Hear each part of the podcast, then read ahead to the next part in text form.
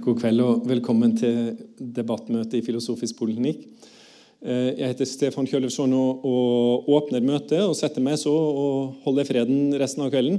Eh, dere kom til møte nummer to i en møteserie. Eh, vi har disse debattmøtene første onsdag hver, januar, hver, hver måned. Og, og, Det første møtet har vært i januar, og nå har vi andre møte. Møteserien heter 'Helsetjenester i overflod'. Unyttig, farlig og forvirrende. Og Jeg skal forklare veldig kort. Ehm, det med, det med, at det kan bli for mye av det gode, det har Filosofisk poliklinikk vært innom eh, flere ganger. Denne gangen bestemte vi oss for å gjøre det til et tema eh, i en hel møteserie av en spesiell grunn.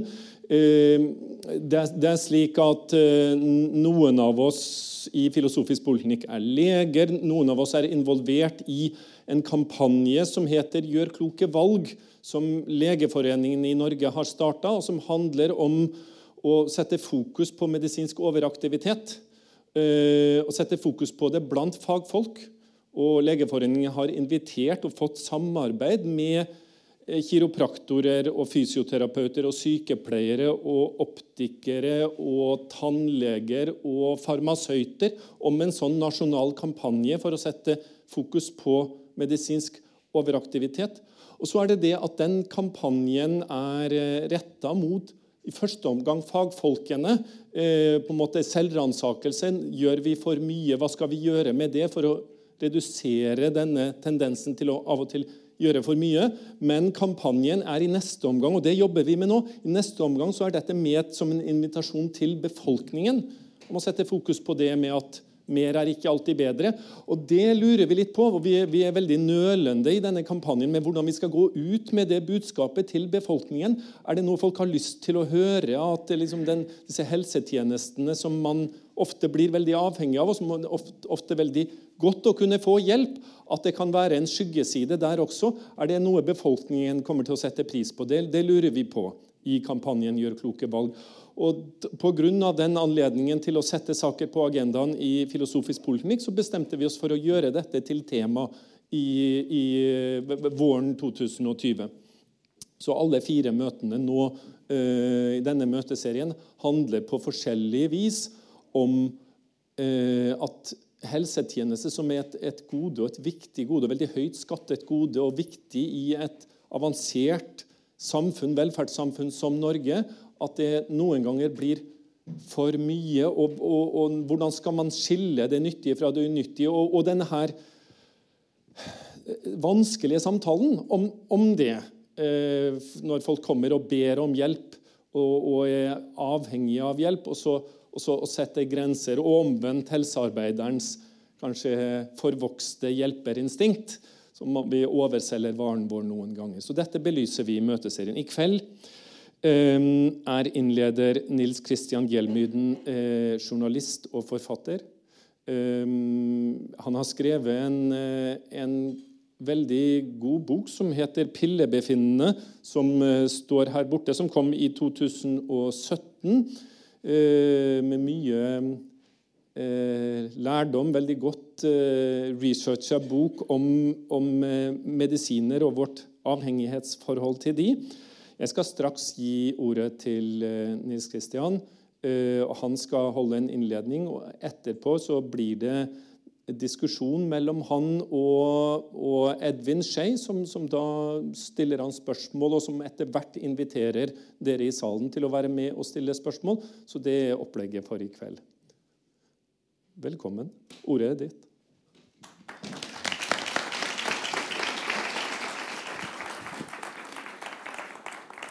Tusen takk for at jeg, ja, hadde hører meg, eh, at jeg er blitt invitert helt hit til Bergen, og at det er kommet så mange hit.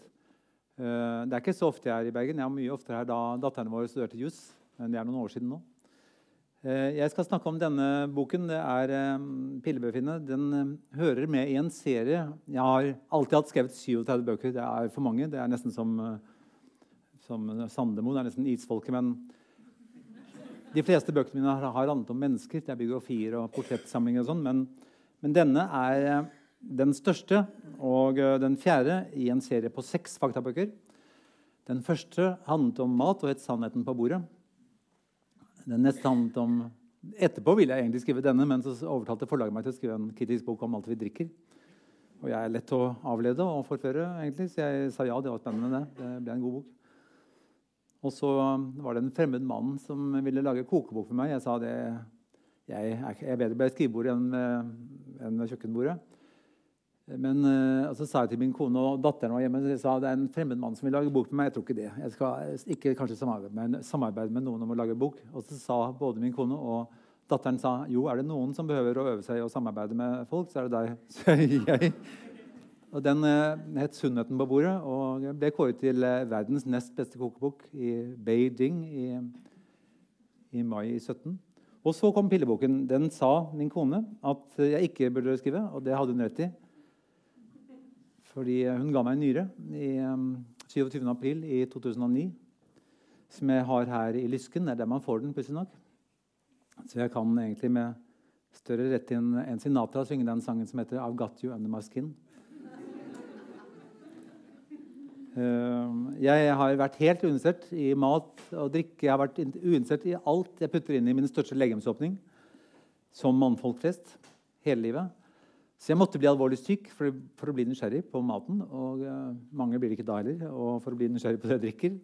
Og så måtte jeg få dosetten helt fullsatt for å bli nysgjerrig på piller. Jeg er jo født i 1960, og på 60-tallet hadde vi et asketisk forhold til legemidler. Vi, vi, ble, vi, tok globoid hvis vi ble syke inni, og Spenol uh, hvis vi ble syke utenpå. Liksom. så det er, var en helt annen uh, tid i, i holdningen til piller. Iallfall hjemme hos oss.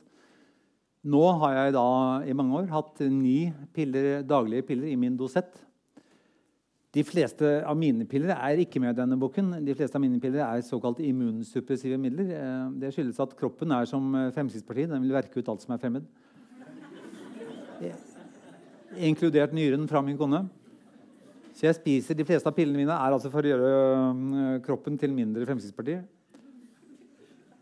Da får man litt hudkreft, og, sånt, så det er skyggesider. Mm, hatt, uh, I fjor hadde jeg 14 hudkreftoperasjoner. Men, uh, men, alt i alt er det bedre enn å leve på dialyse. Jeg åpner hele boken med det, at jeg selv bruker ni piller i døgnet. Jeg tenker at Det er viktig å påpeke og, for å fortelle at um, det finnes mange viktige og vesentlige medisiner her i verden. medisiner har reddet livet til millioner av mennesker. Bare, bare penicillin alene har nok gjort det. Eh, så det er viktig å fastslå. Eh, bokens tematikk handler egentlig om det faktum at stadig flere friske mennesker i verden nå spiser eh, legemidler hver dag som de antagelig mange av dem har flere ulemper enn fordeler av. Det er bokens hoveddramatikk. vil jeg si. Og den er bygd opp på den måten at jeg har, som de fleste som skriver om legemidler, så setter de av ofte hele boken til selve industriens virkemåte og forskningen og pengene og det. Og det kommer man ikke utenom. Det gjelder jo alle legemidler. Så jeg vil også bruke litt av taletiden til det som er basisen. Men jeg vil også si at denne boken aldri er ment jeg skriver det i forordet, den er ikke ment som noe forsvar for alternativ medisin. Da jeg ble nyresyk, jeg fikk sånne polycystiske nyrer, hvor nyrene begynner å blåse ballonger av blod eller vann. Det var egentlig sånn Jeg oppdaget det. Jeg tisset rent blod en sommerdag i 1997. Og når du gjør det, så tenker du at du kanskje maks har tre uker igjen. Men så var det heldigvis bare nyrene som det var noe feil med. Eh, men eh, jeg eh, skriver at jeg da prøvde da, Når legen sa til meg, overlegen min sa at du, vi kan ikke gjøre noe annet enn å skjære opp, så er man villig til å prøve det andre. Så jeg prøvde homøopati, og jeg prøvde akupunktur, og jeg prøvde til og med en iransk uh, diett. Uh, ingenting av det virket på meg i det hele tatt. Uh, man måler jo nyrefunksjonen veldig nøyaktig i form av et muskelavfallsstoff som heter kreatinin. og Det bare fortsatte å stige, uh, uavhengig av disse kurene og løsningene jeg prøvde.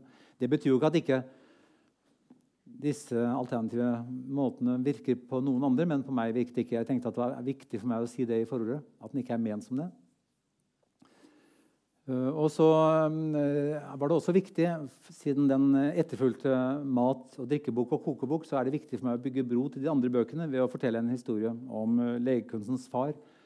Hippokrates heter jo han. og Han merket hvis han hadde vondt For de hadde jo vondt den gangen òg. De hadde oftere vondt. Nordmenn er på smertetoppen i verden. Jeg vet ikke om, om Hippokrates klarte å ha så vondt som mange nordmenn klarer å ha nå. men i alle fall, hvis han hadde vondt, så merket han at det hjalp å spise bark eller blader fra piletrær Eh, vi vet nå hva det var i barken eller bladene på pilletrær som gjorde at han fikk mindre vondt. Det heter salicylsyre. Eh, og eh, det er ikke bare smertestillende, det er også febernedsettende og betennelsesdempende. Det eh, virker gunstig på mange måter. Det er et stoff plantene, ikke bare pilletrær, lager. Mange planter lager dette stoffet for å mm, løse problemene de er omgitt av, stress og sånt noe. I syntetisert form så heter jo dette acetylsalicylsyre og er den dag i dag det nest mest omsatte um, medisinske virkestoffet i, i norsk uh, legemiddelsektor. Uh, ikke minst da i form av Albyl E og, aspirin. Uh, men jeg bygger, broen ved å fortelle om en studie fra um, Storbritannia i 2003, tror jeg det var, hvor um, de konstaterer at økologiske grønnsakssupper inneholder seks ganger mer salicylsyre enn konvensjonelle. Man gjorde et tilsvarende funn, det franske mattilsynet, i 2009. Eh, jeg, eh, jeg, sier jo dette fordi mange av de forrige bøkene har altså handlet om at maten nå, den moderne maten inneholder stadig mindre mineraler og vitaminer og antioksidanter. altså De stoffene som gjør at ikke vi blir syke. Og så inneholder samtidig matvarene stadig økende mengder av de fremmedstoffene, av de muggsoppgiftene, av de sprøytemiddelrestene og tungmetallene som gjør at vi lettere blir syke. Jeg gjør meg ferdig med det måte, i forordet, og så begynner jeg på selve, selve industrien og, og, forskningen, som jeg må snakke litt uh, om. Og det det er enighet om, er jo at halvparten av de forsøkene og studiene som gjøres For det første gjøres nesten alt som gjøres av uh, forsøk og studier, uh, initieres og finansieres av industrien. Det er litt rart at de, at de syns det er greit. De, de, fleste som bor i Norge og i andre land, syns nå at det var innmari dumt av oss at vi stolte på den forskningen som uh, tobakksindustrien gjorde gjennom flere tiår. Uh, og likevel, selv om vi vet at det var dumt, selv om vi vet at ikke den forskningen stemte, uh, så har vi jo valgt å gjøre det samme med å la bukken passe havresekken på legemiddelområdet og for så vidt på sprøytemiddelområdet. Og grunnen er forståelig, fordi myndighetene i Norge og i andre land syns det er mye morsommere å bruke pengene på å bygge litteraturhus og, og veier og skoler og sånt enn å bruke det på legemiddelforskning. Så det er forståelig at det skjer, men det er uheldig. fordi det er eh, Et av underkapitlene i første delen heter jo 'Bukken og havresekken'.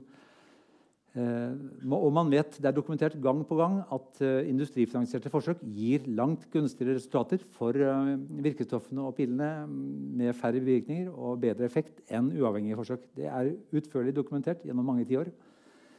Og så er det altså enighet om at halvparten av alle studier aldri blir publisert. Eh, det kan skyldes at det, er, det hender at studier er mislykket eller dårlige. og det hender at de ikke finner stort, at det ikke er noe for de 5000 legetidsskriftene som utgis hver måned på jorden. Det er ikke sikkert at det er noe å publisere av interesse. Men det kan dessverre også tenkes at det er uheldige funn eh, med tanke på omsetningen av disse virkestoffene. Og ofte er det det. Dette er ganske utførlig undersøkt. Det er uheldig. Den klassiske historien om hvor skadelig det kan være at en liten studie ikke blir publisert, handler om eh, noen forskere eh, på universitetet i Nottingham. Det er lett for meg å huske det, fordi sønnen vår tar doktorgrad i fysikk akkurat på universitetet i Nottingham nå. Og, og der, var to, der, var det to, eller et forskerteam som undersøkte et virkestoff som heter lurkainid, som var et stoff mot hjerterytmeforstyrrelser hos folk som hadde hatt hjerteinfarkt. Og det man gjør da, man, det, var en liten gruppe, det var eh, i underkant av 100 mennesker. og Man delte inn gruppen på midten. så Det var liksom 48 i den ene gruppen og 47 i den andre. Den ene gruppen får eh, placebo, altså sukkerpiller, eh, juksepiller. Um, og resten får lorcainid. Og så ser man eh, i observasjonsperioden at det dør én person i, i placebo-gruppen, og så dør det ni i lorcainid-gruppen. Det er mye, men i en så liten gruppe så kan det skyldes tilfeldigheter. Den studien ble aldri publisert. Eh, dels fordi eh, de som hadde eh, patentet på Lurkainid, droppet å lage pille av det.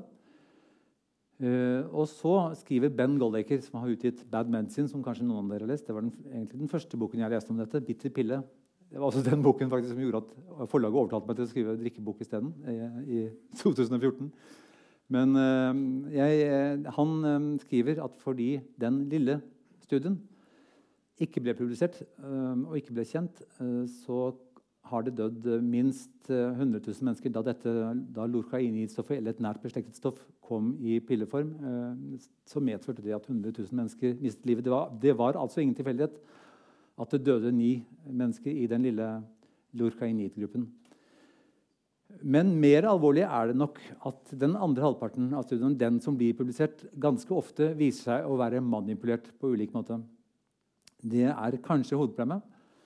Eh, at eh, den er tilvridd på ulike vis. Og det finnes masse ulike måter å manipulere forskning på. Det finnes rent juks, at man bare finner på tall og resultater. Det er ikke den vanligste form, men det finnes også. Det er masse eksempler på ren, rene produserte tall, eller man lager forsøk som ikke har funnet sted. Men det er ikke det vanlige. Det finnes mer raffinerte måter. Den vanligste er jo sånn som i yatzy. Det har alle spilt, tenker jeg. Det er, det sånn at hvis, hvis du får ti muligheter til å kaste terningen, så øker sannsynligheten for å få en sekser hver gang du får et nytt kast. Det er altså ikke noen grense for, for hvor mange ganger du kan gjenta et forsøk. Du kan sammenligne det med så mange andre preparater du vil. i så mange ulike konsentrasjoner Du vil. Du kan ikke minst prøve det ut på ulike aldersgrupper. Det er ofte lurere å prøve det ut på unge mennesker enn på de eldre menneskene som antagelig skal bruke middelet. Eh, de vil antagelig få færre bivirkninger og mer effekt iblant også. Du kan egentlig kaste terningen og gjøre forsøkene til det sitter, til du får klaff. Du kan også stoppe i tide. Du kan stoppe akkurat når bivirkningen er minst og effekten størst. Da kan du stoppe. Eller du kan um, late som du, at det bare varte i seks måneder, mens det egentlig varte et år. Man kan også ta ut de menneskene som gir seg under forsøket. Det er jo kjempelurt. For de menneskene som får bivirkninger, hvis de for får muskelsmerter og hukommelsestap, så har de kanskje lyst til å slutte med forsøket. Og, og hvis man da strøyfer dem fra papirene, så får man, får man et litt gunstigere resultat. Så det er mange måter. En annen måte er jo eh, noe som kalles eh, surrogatutfall. Det vil si at man undersøker noe annet enn det som er grunnen til at folk velger, bruker den pillen. For eksempel, statiner. En del av det jeg kommer til å si i dag handler om statiner. fordi statiner er det mest lønnsomme legemiddelet av alle. Det er et kolesterolsenkende middel som flere hundre millioner mennesker i verden bruker daglig. Og det er det industrien tjener aller mest på. Det er selve drømmen eh, til industrien. Drømmen er ikke å selge antibiotika som vi bruker i en uke eller to. Eh, som jeg brukte i sommer uh, mot resistente enterkokker. Det er ikke det som er drømmen, for det er ikke noen penger i. Drømmen er å få oss som er i salen her, til å spise én pille hver eneste dag resten av livet. Da har du butikk. En veldig god butikk. Uh, og det er en drøm som statinene innfrir. Uh, og de som, spiser, de som, spiser, statiner, eller den som er vinneren i Norge og i andre land, heter Lipitor atorvastatin. Det er det i særklasse. Det legemiddelet det selges mest av i Norge og i de fleste andre land. Det er selve gullkalven til Pfizer. Og de som spiser mm, Lipitor og alle de andre statinene, de har ett eneste ønske, og det er å ikke få hjerteinfarkt. Det er et ønske om å leve uh, lenge ved ikke å få hjerte-karsykdommer og hjerteinfarkt særlig. Det er det de ønsker å oppnå, men det er ikke det forskerne undersøker når det blir godkjent. De undersøker om midlene eh, reduserer det såkalt farlige kolesterolet og, og, får eventuelt opp det gode. Og, og det gjør eh, statiner. Men man, hvis man hadde undersøkt om folk lever lenger eller får mindre hjerteinfarkt, så får de det i forsvinnende liten grad hvis du har brukt én studie, en nyere studie. Jeg sier det fordi jeg har holdt foredrag om statiner på Litteraturhuset i Oslo nå i januar. Eh, så det er en ferskere studie, den er ikke med i boken, men en stor studie konstaterte at folk som spiser statiner hver dag, flere tusen hver dag i, um, i, fem år, de får gjennomsnittlig fire dager mer levetid. Og hvis 25% av dem får muskelsmerter og ganske mange får hukommelsestap, så spørs det om det er verdt, eh, om det, er verdt det. Altså det spørs om, med mange midler så spørs det om vinningen er verdt uh, skyggesidene. Uh, og med statiner er det et åpent spørsmål, særlig fordi 80% av de menneskene som nå bruker statiner, har et kolesterolnivå som er tilnærmet innenfor normalområdet. Eh, det brukes, statiner brukes også som en annen type manipulasjon. og Det er jo å overdrive betydningen av det, den effekten som medisinen gir. altså Hvordan man fremstiller et nokså moderat funn, en nokså liten effekt. F.eks. nevner Goldecker i sin bok eh, 'Bad Medicine' at han refererer til en studie hvor det, hvor det viser seg at hvis 1000 mennesker lar være å spise statiner hver dag i fem år, så får fire av dem hjerteinfarkt. Og hvis en, 1000 mennesker i en annen gruppe tar statiner øh, hver dag i fem år, så får to av dem hjerteinfarkt. Eh, så det er altså eh, en veldig liten forskjell. 0,2 forskjell heter det. Eh, det er ikke så lett å selge statiner hvis det er det hele. Hvis 998 mennesker må spise statiner i fem år hver dag og ikke få noe, noen ting ut av det, så er det vanskelig å selge statiner. Men man kan jo også si at for to er jo halvparten av fire. Man kan si at statiner halverer risikoen for hjerteinfarkt. Det er også en form for manipulasjon hvor man overdramatiserer et nokså eh, moderat eller marginalt funn. Det er et vel av det meste i denne boken til Goldecker handler jo om uh, egentlig um, ulike typer å manipulere um, forskningen på. Og det gjøres til fulle. I 2007 så, det, så gjennomførte uavhengige forskere alle de studiene som var gjort. Det var 197 studier, i, fall under, i underkant av 200 studier som var gjort på statiner til da. Og De var lure. De puttet disse studiene i to bunker. som industrifinansierte der, og De er ikke fullt så mange, men uavhengige i den bunken. Og så fant de ut at mm, de industrifinansierte studiene hadde 20 ganger høyere sannsynlighet for å gjøre et positivt funn med hensyn til effekten eh, av statiner. 20 eh, ganger, altså 2000% det er, betyr bare én ting, at det har ganske lite med vitenskap å gjøre. Det er også den første setningen i Bad Medicine er helt forferdelig. Det står 'legevitenskapen er ødelagt'. Det er åpningssetningen til Ben Goldecker. Og dessverre er det nok langt på vei sant. Eh, og det er i liten grad tema. Det, eh, det er veldig lite tematisert. Eh, Europakommisjonen fastslo i 2008, de, eller de beregnet i 2008 at det hvert år i Europa dør 197 000 mennesker som direkte følge av legemiddelbruk. Og, og da brukes medisinene slik som de er forskrevet av legen. Og at eh, sykehusinnleggelsene og skadene forbundet med legemiddelbruk hvert år beløp seg i 2008 til 93 milliarder euro. Eh, det er veldig lite, sjelden man leser om det i avisen. Eh, man leser mye om folk som dør i snøskred, eller som kanskje kan få koronavirus. og sånn, Men den danske apotekforeningen har også fastslått at legemiddelbruk i Danmark er blitt den tredje vanligste dødsårsaken etter hjerte-kar og kreft. Uh, og det var en doktorgrad uh, i 2017 i Norge som sa at det også i Norge dør 3000 mennesker som direkte følge av legemidler. De fleste er jo eldre. Det er en stygg del av uh, saken. Det at eldre mennesker får fylt opp dosettene sine. og ikke minst at de tar mye sløvende midler, smertestillende og, antidepressiva. Og så snubler de og brekker hoftene, og én av fire som brekker hoftene når de har passert 80 dør i løpet av et år. Det er eh, antagelig også det aller styggeste er kanskje at man ved å dope ned de gamle kan ha færre pleiere, så det blir god butikk på den måten. Men eh, jeg skal ikke avspore meg selv nå. Jeg, jeg snakker litt til om industrien.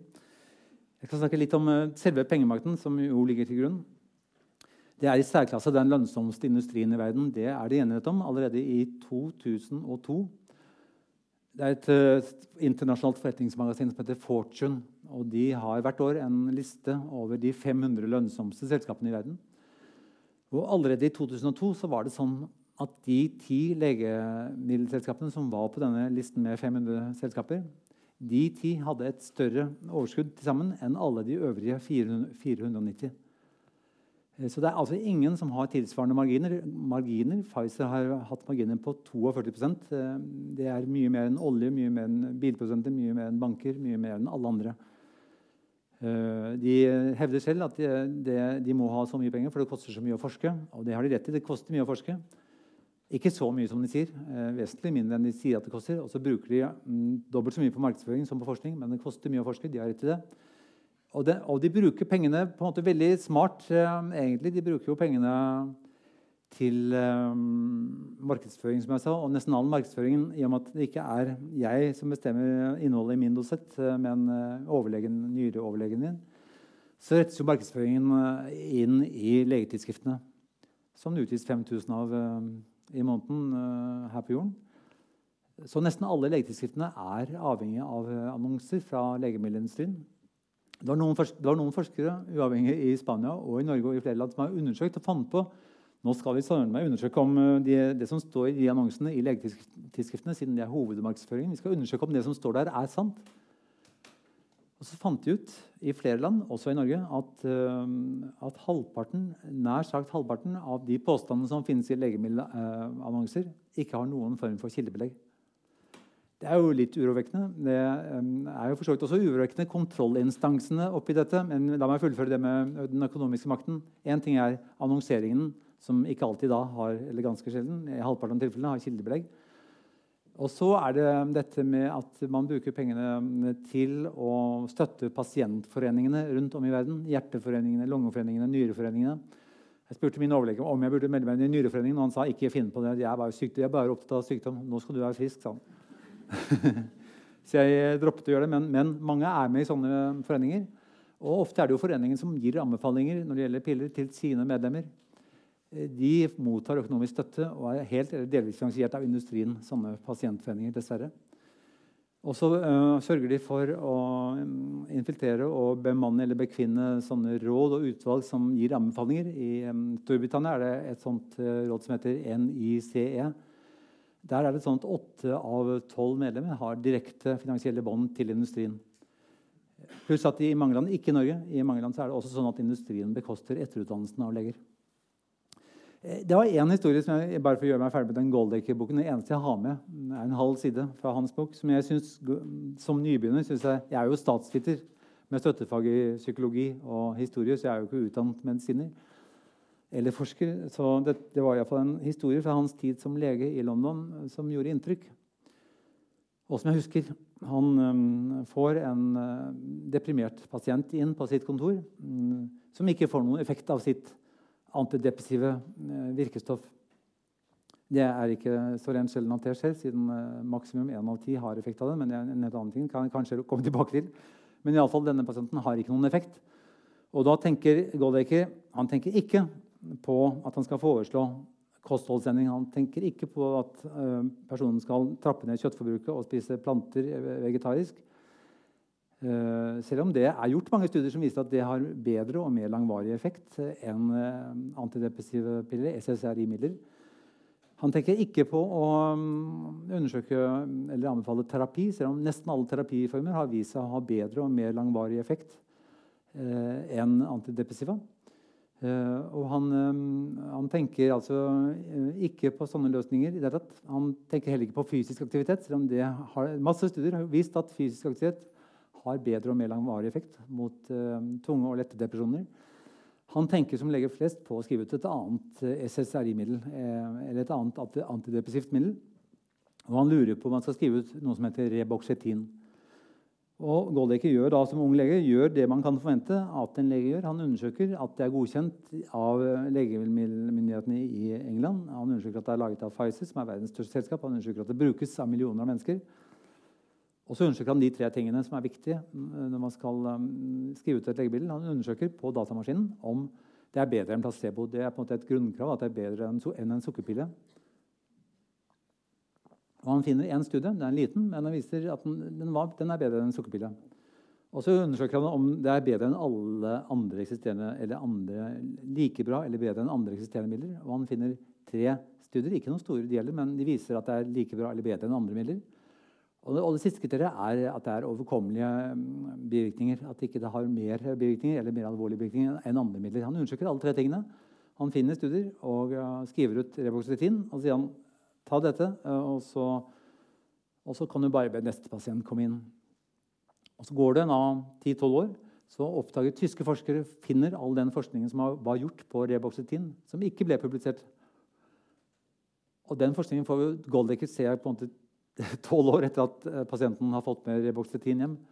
Og Da viste det seg at det var altså gjort syv studier mm, som eh, sammenlignet eh, Reboxetin mot placebo. og bare den aller minste av dem, som viste at det var bedre, eh, var, ble publisert. Alle de, andre, eh, alle de andre seks studiene konstaterte at det ikke var bedre enn en sukkerpille. Og sånn var det med de andre kriteriene. Han ser tolv år for sent at han har gitt sin pasient, sin deprimerte pasient et virkestoff med mange bivirkninger og med mindre effekt enn placebo.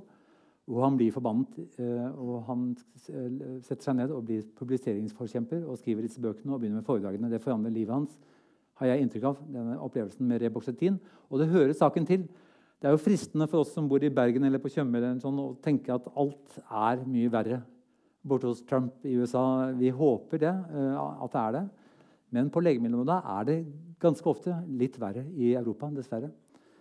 Eh, for eksempel, eh, dette stoffet, reboxetin, ble forbudt eh, for alltid i USA i 2001 allerede fordi det har så mange skadevirkninger og ikke har noen mer effekt enn en, sukkerpille. Så det ble forbudt der i 2001. I Norge er det et av de tre mest brukte antidepressive stoffene fortsatt. Det er interessant. Det ble utviklet i Sverige. Kanskje har det med det å gjøre. Jeg vet ikke, men det er iallfall en realitet. Det er eh, et av de tre mest brukte antidepressive stoffene i Norge. Så det er altså en veldig mm, økonomisk makt som brukes, og som preger hele bruken. Jeg tror at vi står overfor en flerdeling. Det mest, det mest personlige kapitlet i boken er det siste, som også forteller mye. Eh, som sagt, Det var jo bare to. Kriteriet mitt har vært at jeg ville ha med de virkestoffene som det omsettes mest av i Norge. Og jeg har fått med 15 av de 25 mest omsatte virkestoffene. Uh, og I tillegg har jeg med potensmidler, siden det er så mye ulovlig og postordre omsetning av det. Og ikke minst har jeg også med antibiotika, selv om ikke det er på 25-toppen. Men det er stor enighet om at vår bruk og vårt misbruk av antibiotika kan bli et av de største mm, helseproblemene vi har. Det er jo blitt antydet at vi om et par tiår så vil det være sånn her på jorden at det dør flere mennesker av resistente bakterier enn av kreft.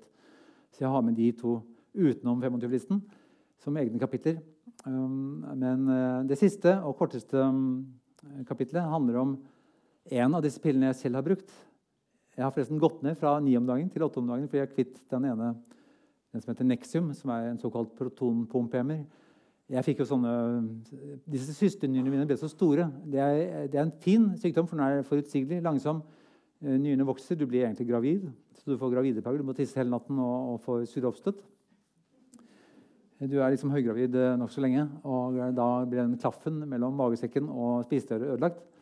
Da kan du få syreplager, særlig når du ligger.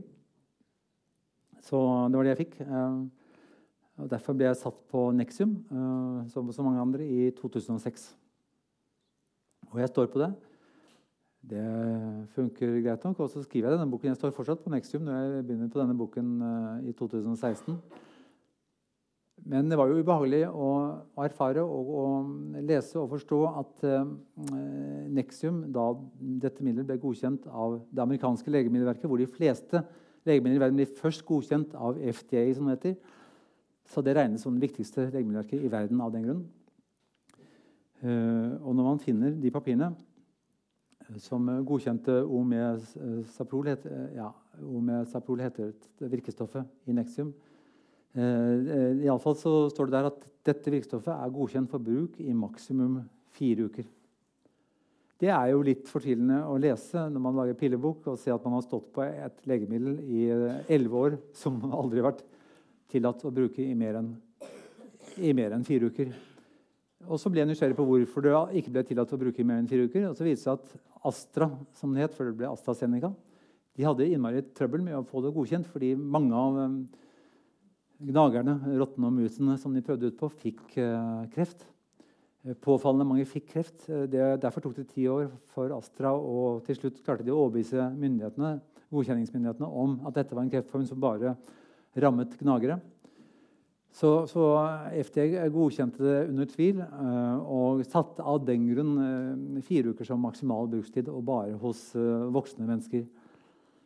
Og så brukes det nå. altså I år og livet ut og i tiår etter tiår, og barn har begynt å bruke det. Det er jo noe av problemet, at man hele tiden utvider rammene og bruken.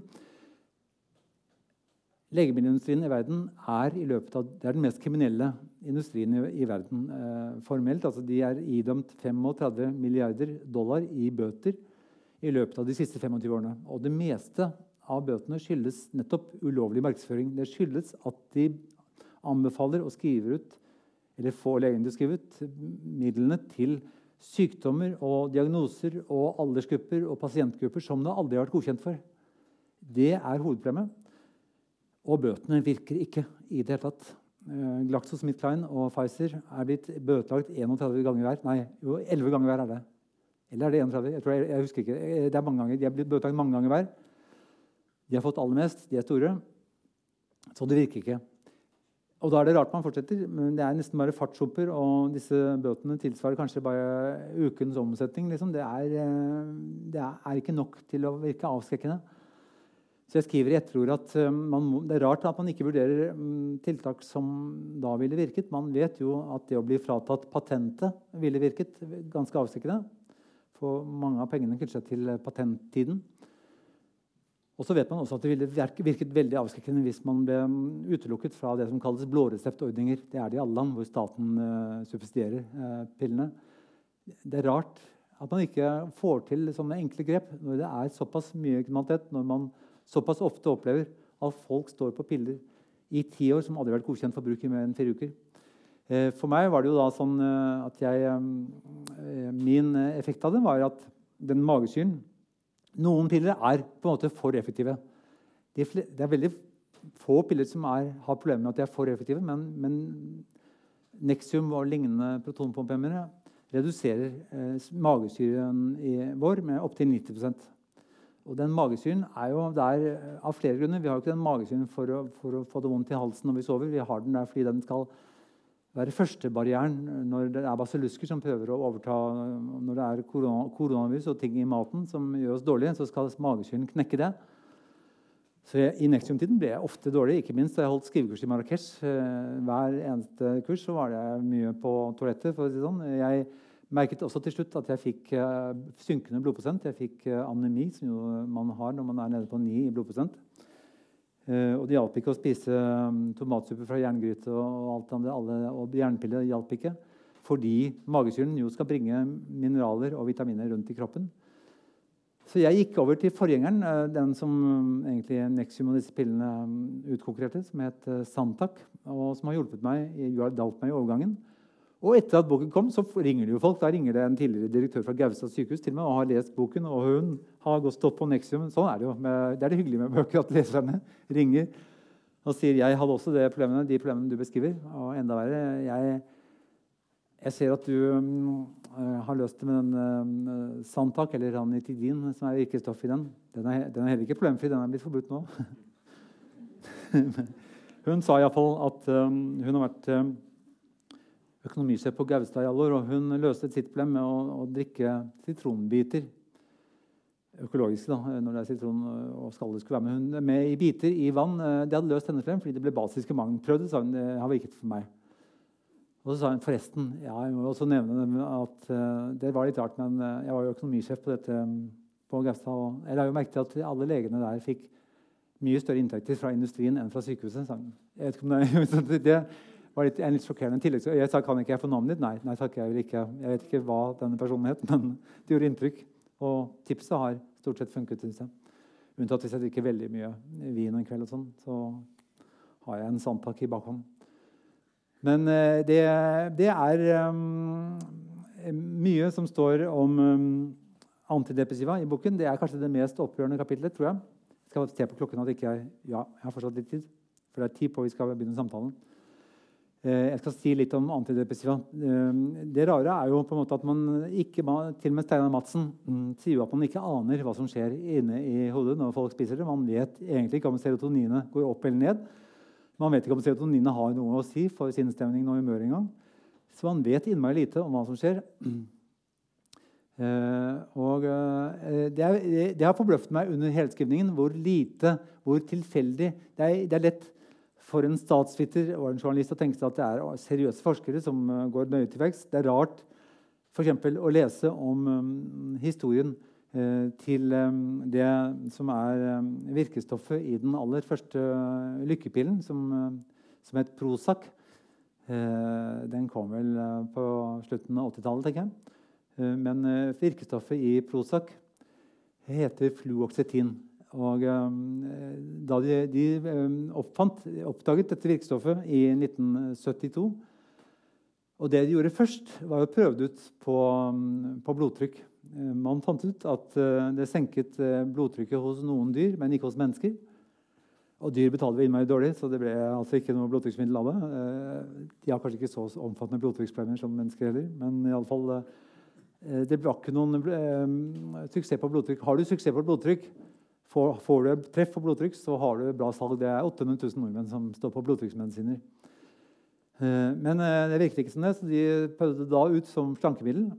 Det kan man jo se rundt seg også, at Får man en kraft der, så har du bra omsetning.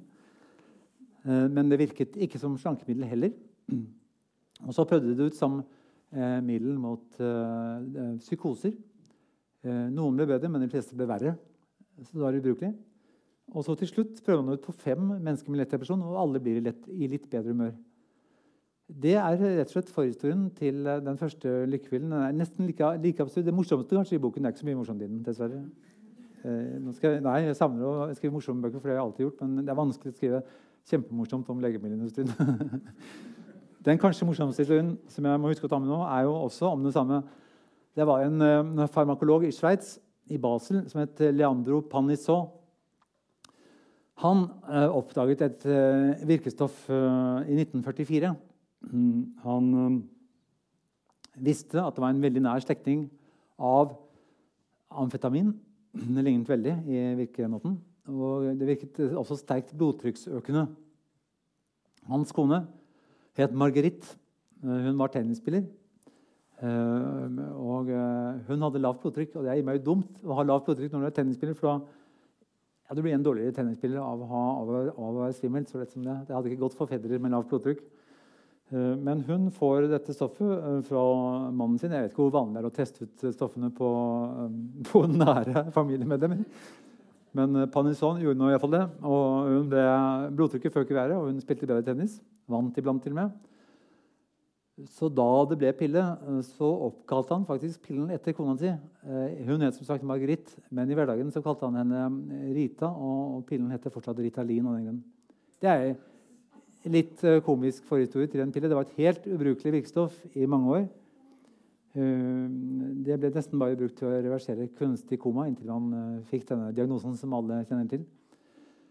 Og Det minner meg om en annen historie som er vesentlig oppi dette. og Det var en helt skandaløs avgjørelse som Bill Clinton, Bill Clinton da han ble president på 90-tallet. I 93 så gjorde Clinton en, han bøyde av for presset. For det var, som det ofte er, det var sånn at folk som hadde aids, og pårørende til mennesker som hadde aids i USA, protesterte veldig for å få fortgang i godkjenningen av nye legemidler. Det lar seg forstå. Det har vært sånne aksjoner utenfor Stortinget også i Norge. Eh, I mange land så er det sånn at folk med sykdommen og pårørende vil ha fortgang i godkjennelsen. Det går for langsomt. De dør i mellomtiden. Det er klart, jeg kunne også gjort det hvis kona mi var syk eller, eller barna. Det er forståelig, og, og Clinton bøyde av. Og ga beskjed om at eh, fra nå av skal godkjenningstiden ved FDA halveres. Det er nok noe av det mest skandaløse som er eh, vedtatt av en president eller en statsleder noen gang. For det innebar jo i praksis at forsøkene ble av kortere varighet og omfattet færre mennesker enn før. For eh, medførte det at 20, Det er ikke bare Ritalin som brukes som ADHD-medisin. Det har medført at 20 ulike ADHD-medisiner på markedet i dag er godkjent på basis av forsøk som i gjennomsnitt har omfattet 75 mennesker og vart i gjennomsnitt i en måned. Da vet man nesten ingen verdens ting om hvordan det virker. Eh, så det har medført at vi har dessverre fått dårligere legemidler enn noen gang. Det var noen forskere som gikk gjennom alle de nesten 1000 legemidler ble det nye virkstoffet ble lansert fra 2002 til 2011. Forskerne går gjennom disse nesten 1000 nye stoffene, og de finner ut at bare 8% av dem er bedre enn allerede eksisterende midler. Det har aldri vært en mindre andel av bedre legemidler i noe tiår. Så den beslutningen til Clinton var veldig skandaløs. Eh, og vi, I det hele tatt så tror vi jo er, eh, På samme måte som det er fristende å tro at alt er verre i USA enn her, så er det fristende også å tro at alt var verre før i tiden. Eh, dessverre er det ikke sånn på legemiddelområdet. Det går eh, feil vei. Eh, Steinar Madsen og Karita Bekkemellom sier ganske ofte at nå er, det er veldig trygt nå, for nå er alle blitt pålagt å publisere alle studier i Europa. skjedde sist. Faktisk, det skjedde først i 2009 i USA. ble industrien pålagt og forskerne pålagt å publisere alt. Og i Europa skjedde det først i 2015. Om igjen litt, litt interessant. Men iallfall um, eh, lyder det fint når Bekkemellom eller Madsen sier det. Men i virkeligheten, så når du undersøker om det blir publisert, så blir det publisert mindre enn noensinne. Det har vært nede i 13 i året som publiseres etter fristen. Det skal publiseres to år etter at uh, studiene og forsøket har funnet sted. Og så skjer det ikke i virkeligheten. Det bare høres fint ut når man uh, snakker på radioen. Så det har vært uh, min kone hadde rett. Jeg burde ikke skrevet boken. Jeg har tatt på. Jeg synes også dette, og så er det, jo det. Det er jo, det er jo ikke bare legemiddelindustriens feil. Legemiddelindustrien kan jo si med dette ja, vi lager det, men det er ikke vi som skriver det ut. Og det har de jo rett i. Det er jo legene som skriver det ut. Og legene sier ja, ja, vi skriver ut, men vi lager det ikke. Og det er ikke vi som godkjenner det. Eh, det har de rett i. Og de som godkjenner det, det er også en veldig rystende én enkeltstudie, som er av de mest rystende for meg. Som ikke handler om tall og prosenter og placebo, men det er noen forskere som finner ut at de skal gå inn og intervjue 1000 av de vitenskapelige ansatte ved FDA, altså de menneskene som godkjenner alle legemidlene først i verden. Eller iallfall over 60% av legemidlene blir godkjent der først. Hvis jeg mumler, så beklager jeg det. Jeg eh, skal prøve å ta litt vann. Jeg får kritikk iblant for å mumle. Jeg skal prøve å se på dere som om dere er moren min, og snakke litt sånn tydelig. Men det er rart å tenke på at jeg har så mange mødre. Ehm, det var det jeg skulle si. Jo, de går inn, de intervjuer 1000 vitenskapelige ansatte i FDA og spør dem ulike spørsmål. De spør bl.a. om de tror at avgjørelser tatt av det amerikanske legemiddelverket er til beste for folkehelsen i USA. Og 70% av dem sier nei. Det tror de ikke. Det er ganske opprørende. Og sånn, eh, Nesten like opprørende er de andre spørsmålene som de får. Jeg, det er eh, mange sånne, sånne ting i boken. Men vi som er pillebrukere, vi som er pasienter, bærer i høy grad et medansvar. Vi har en forventning om å få en pille. Og går nesten ikke ut av legekontoret før vi får en pille. Vi vil helst ikke forandre livsstil eller, eller, kosthold. Vi vil sitte i sofaen og spise potetgull og se på serier eh, og spise statiner. Det er også vår skyld som ikke gjør noe av dette.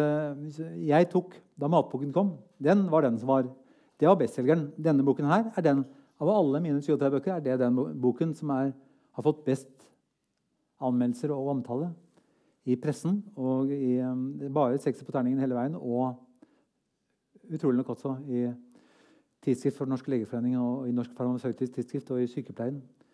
Men salgsmessig er det absolutt ikke noen bestselger. fordi det er behagelig å ikke vite. Det er jo til og med behagelig å ikke skrive den. men, men, da jeg skrev matboken, som er min bestselger i livet, som er trykket i 30 000 så ble det en snakkis, og det ble ni debatter med sjefen i Mattilsynet. Det ble så mange debatter at uh, han uh, veldig vennlige sjefen i Mattilsynet Vi ble jo kjent, så da vi møttes og hadde vår siste debatt i Vitenskapsakademiet på Drammensveien, så spurte han om han kunne gratulere meg med en ny genser. Det betyr at jeg ikke har så mange gensere. selvfølgelig.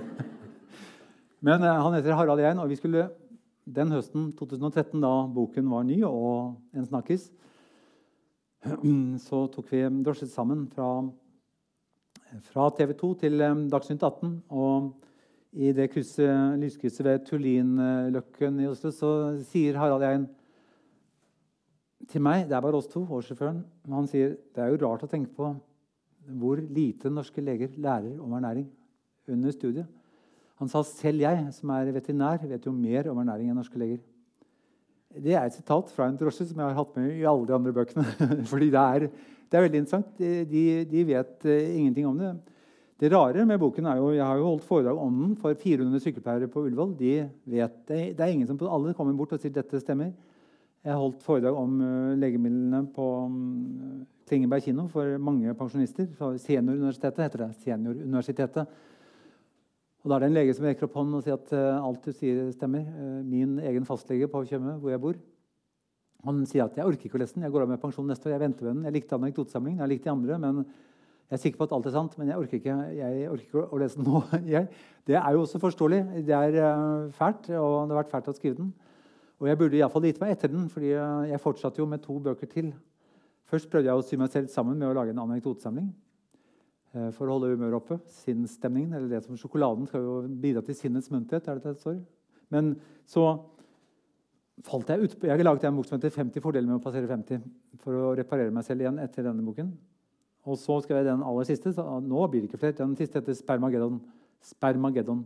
Det er mye legemidler i den nå. Særlig, særlig er det mye paracetamol. Da legemidlene ble godkjent, var det ingen som fant på å undersøke om, uh, hvordan det virker på forplantningsevnen. Eh, paracetamol er et av de mest hormonforstyrrende, et av de mest hormonforstyrrende medisinske stoffene som finnes. Det er også sånn at det brukes 9 millioner pakker i Norge. Eh, og at eh, hver tiende tenåring i Norge tar paracetamol daglig. Forebyggende i tilfelle de får vondt. Så Det er jo også holdningen eh, rundt medisinbruk.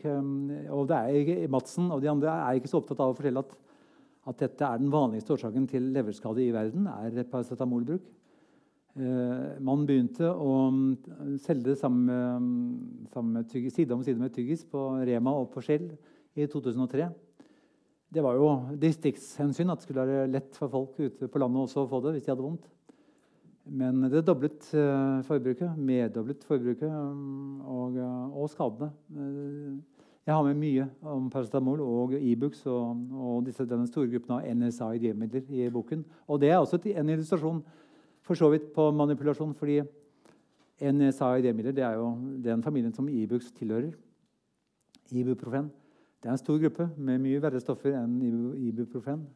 Det som heter Viox, Skandalen er jo et, en skandale som tok livet av minst 55 000 mennesker i USA. Ja, nå er det overtid. Jeg ser det. Jeg skal, jeg skal gi meg. Men, men øh, når de tester ut disse NSAID-midlene, som hovedsakelig brukes av eldre mennesker og revmatikere og folk med muskel- og skjelettplager, altså folk over 60 Folk som er eldre enn meg, til og med. Jeg er jo 59. Når man tester dem ut, så er det sånn at 98% av de menneskene som inngår i testene og forsøkene, er unge mennesker. Unge, friske mennesker som ikke bruker andre, andre legemidler. Det er veldig stygt. Eh, det er veldig urimelig. De eh, tåler midlene bedre enn eldre mennesker med muskel- og skjelettplager. De som skal bruke stoffene. Vi lar det bli med det. Jeg bare tok det jeg kom på. Ja. Takk.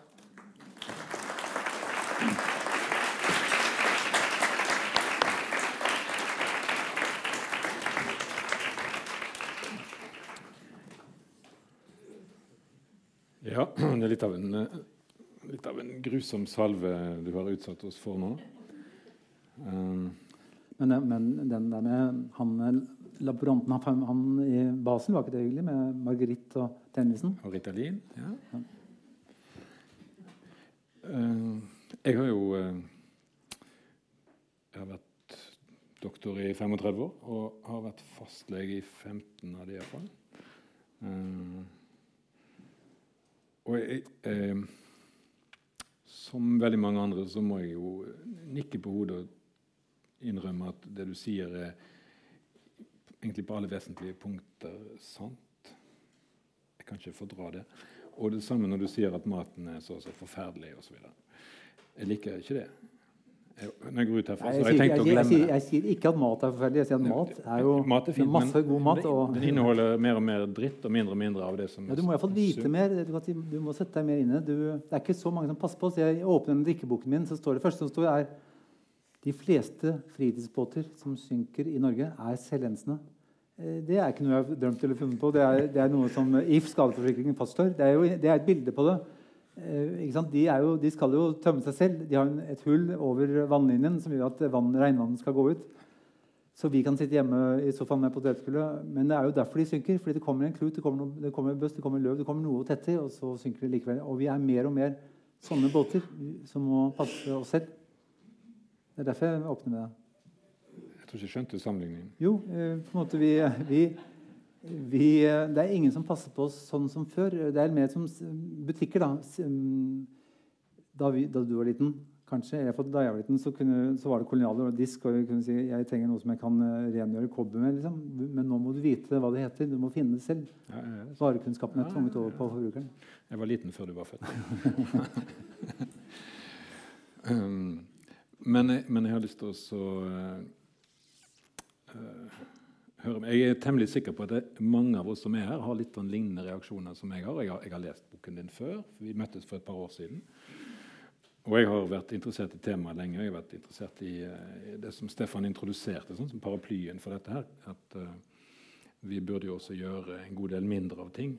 Og, og, basert på den dokumentasjonen, som ikke er din, men som du har brydd deg med å grave frem, uh, så er pillebruk noe av det vi definitivt ville profitere på å gjøre mye mindre. Men likevel syns jeg ikke det er noe gøy. Jeg syns det er ubehagelig at du kommer med det. Og jeg tenker eh, Og, det, og jeg syns òg. Ja, og du òg? Jeg angrer nesten. Ja. Jeg har gitt meg et dårligere liv. Ja. Er... Og dårligere økonomi. ja.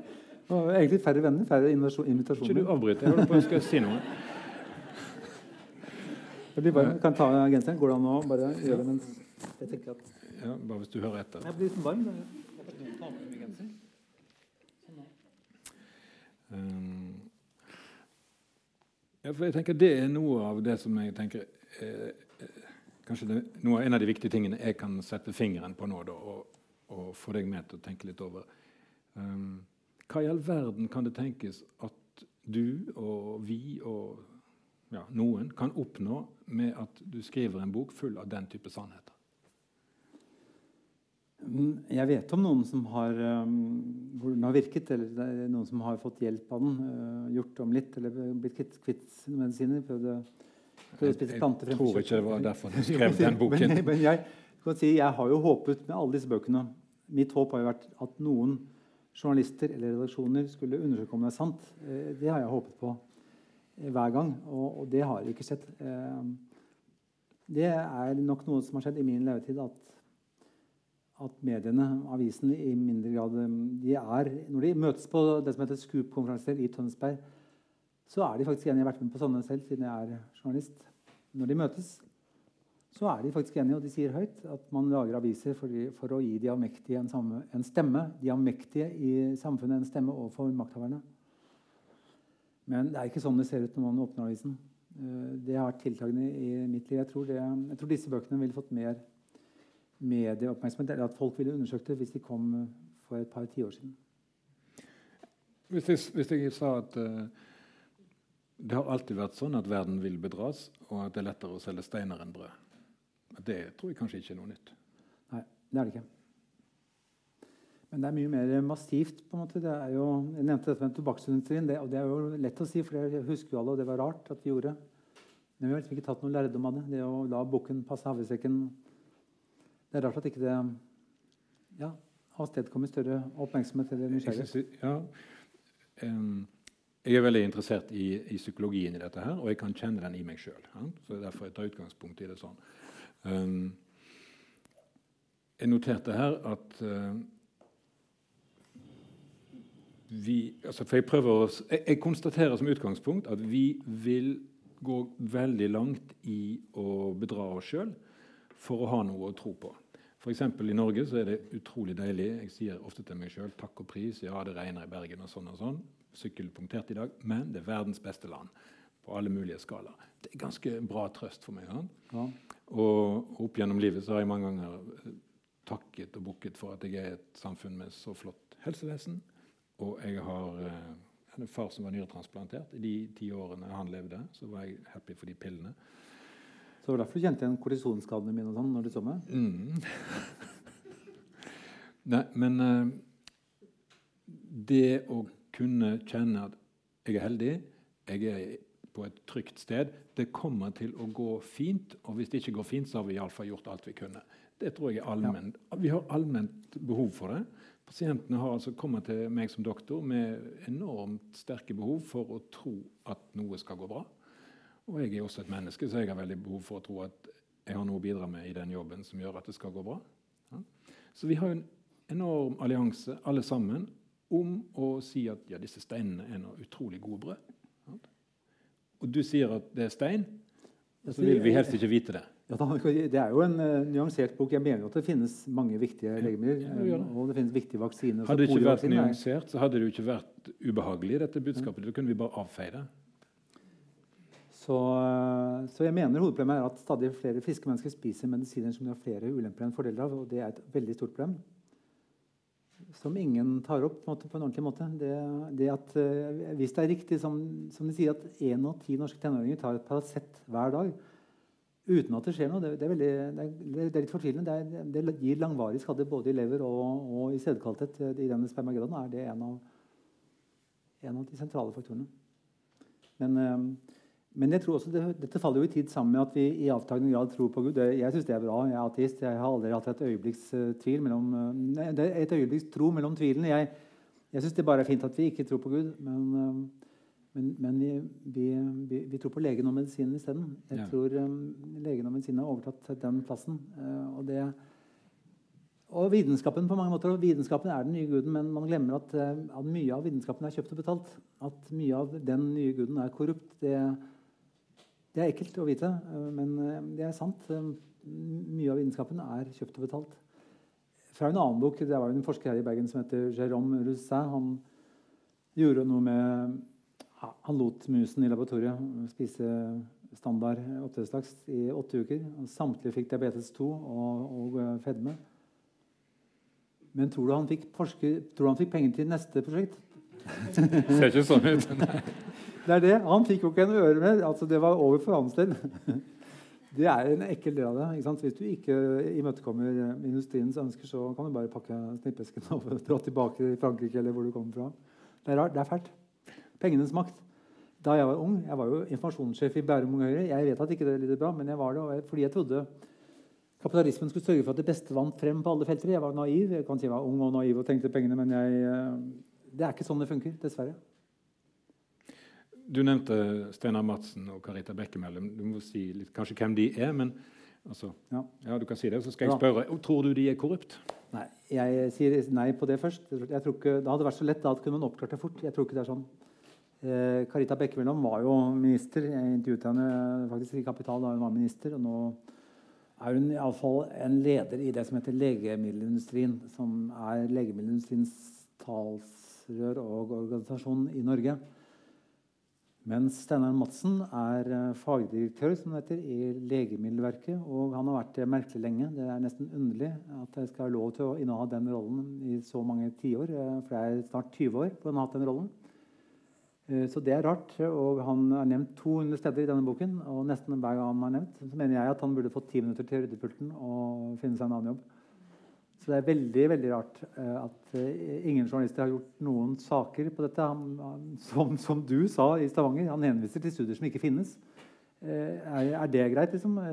Jeg, jeg syns det er opprørende at en leder som Steinar Madsen kan gjøre så mye som han gjør, uten å bli arrestert av noen. Det syns jeg er rart i så lang tid.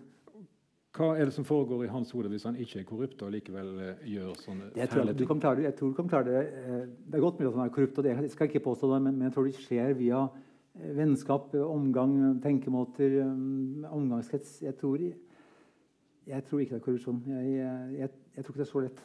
Jeg tror ikke, jeg tror ikke, det, jeg tror ikke det skjer fordi folk er onde. Jeg tror Hvis det var at maten og drikken og legemidlene ble sånn fordi folk var slemme og onde, så ville det vært mye lettere å løse.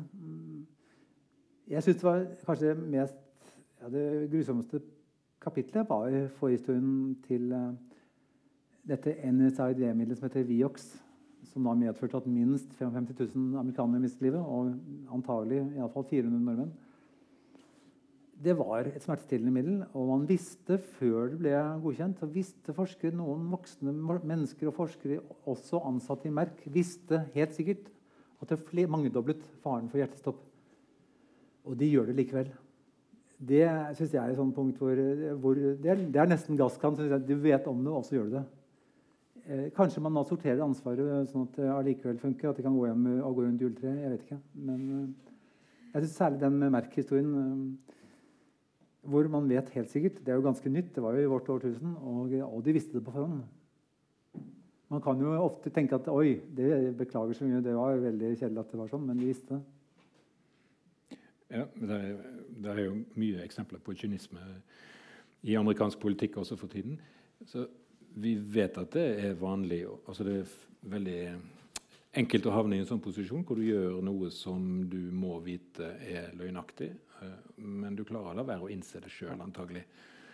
Men um, så når norsk presse ikke plukker opp dette her, når norske politikere ikke prøver å gjøre noe med det uh, er det, det jo, jeg, altså- jeg, vil, jeg, vil, ikke sitte her og sutre, det er ingen av mine bøker som har fått så mye anmeldelser og så mye medieoppmerksomhet. Men jeg har litt, håpet at det skulle være litt mer. En ting er sex på terningen, men, men, men, man må jo undersøke er det sant. Eh, er det virkelig sant at, det at legebildet er blitt den tredje vanligste dødsårsaken? Kanskje man skulle skrive om det iblant istedenfor disse snøskredene og, og, dette viruset som muligens er svakere enn vanlig influensa. Jeg, jeg savner Man bruker jo setter av halvdagsvin hvis, uh, hvis, det er noe terror eller hvis um, det er markering av hvem som har dødd i trafikken. Men det dør antagelig 30-40 ganger flere av legemidler enn det dør alt i alt i trafikken. Det er rart at det aldri er tema. Mm. Kan det være at uh, legemiddelindustrien, som altså er verdens største og mest lønnsomme pengemaskin altså den? Du snakker om et par tusen milliarder i året i omsetning. Uh, og det er så sterkere enn våpenindustrien, sterkere enn bilindustrien. Og alt dette der. Og de bruker dobbelt så mye på markedsføring som på jeg, jeg forskning. Ikke, ikke kan de manipulere oss? Nei, jeg, jeg, tror hovedproblemet med dødsfallene er at jo, hvis du er min lege, så er det du som skal rapportere det hvis jeg dør. Hvis, hvis jeg dør av varfarinen, som de gitt meg som blodfortynnende middel, eh, så er det du som skal rapportere det. Og det er jo veldig uheldig, for det er veldig fristende for deg hvis du er min lege og har gitt meg disse tingene, og håpe at det var noe annet jeg døde av enn pillen du ga meg. Ja.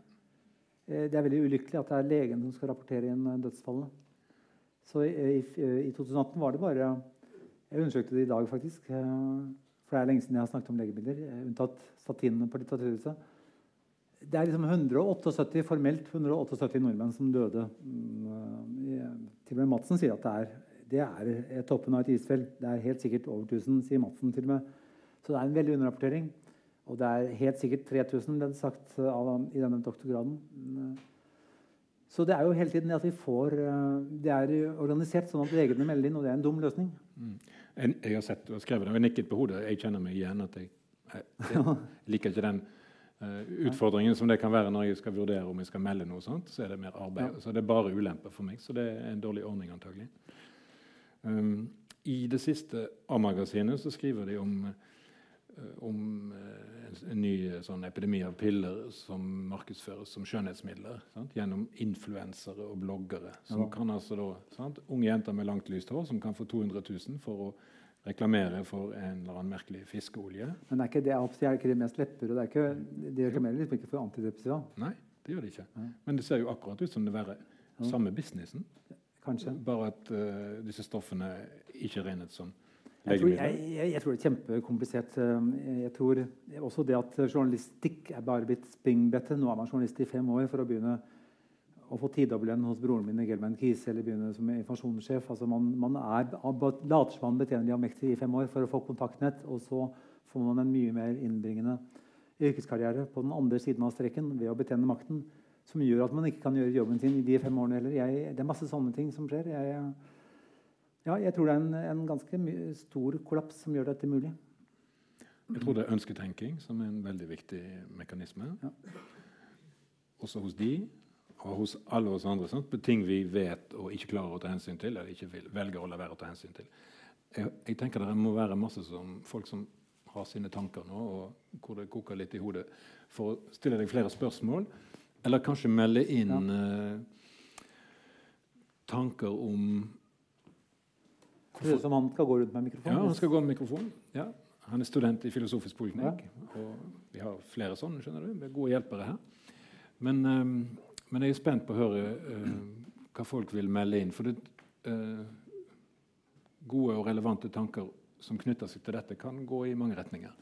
Og det det er mange piller jeg ikke vet noe om. jo... Du, en ting før vi gjør det, før vi slipper de ja. til. Noen av de som er her oppe, er medisinstudenter på først, ja. førsteåret. Ja. Uh, det er flere sikkert på andre lenger oppe òg, men de har foreløpig egentlig ikke blitt så mye introdusert verken til legerollen eller til sykdommer eller til medikamenter. De driver med ja. de veldig basale tingene, stort sett.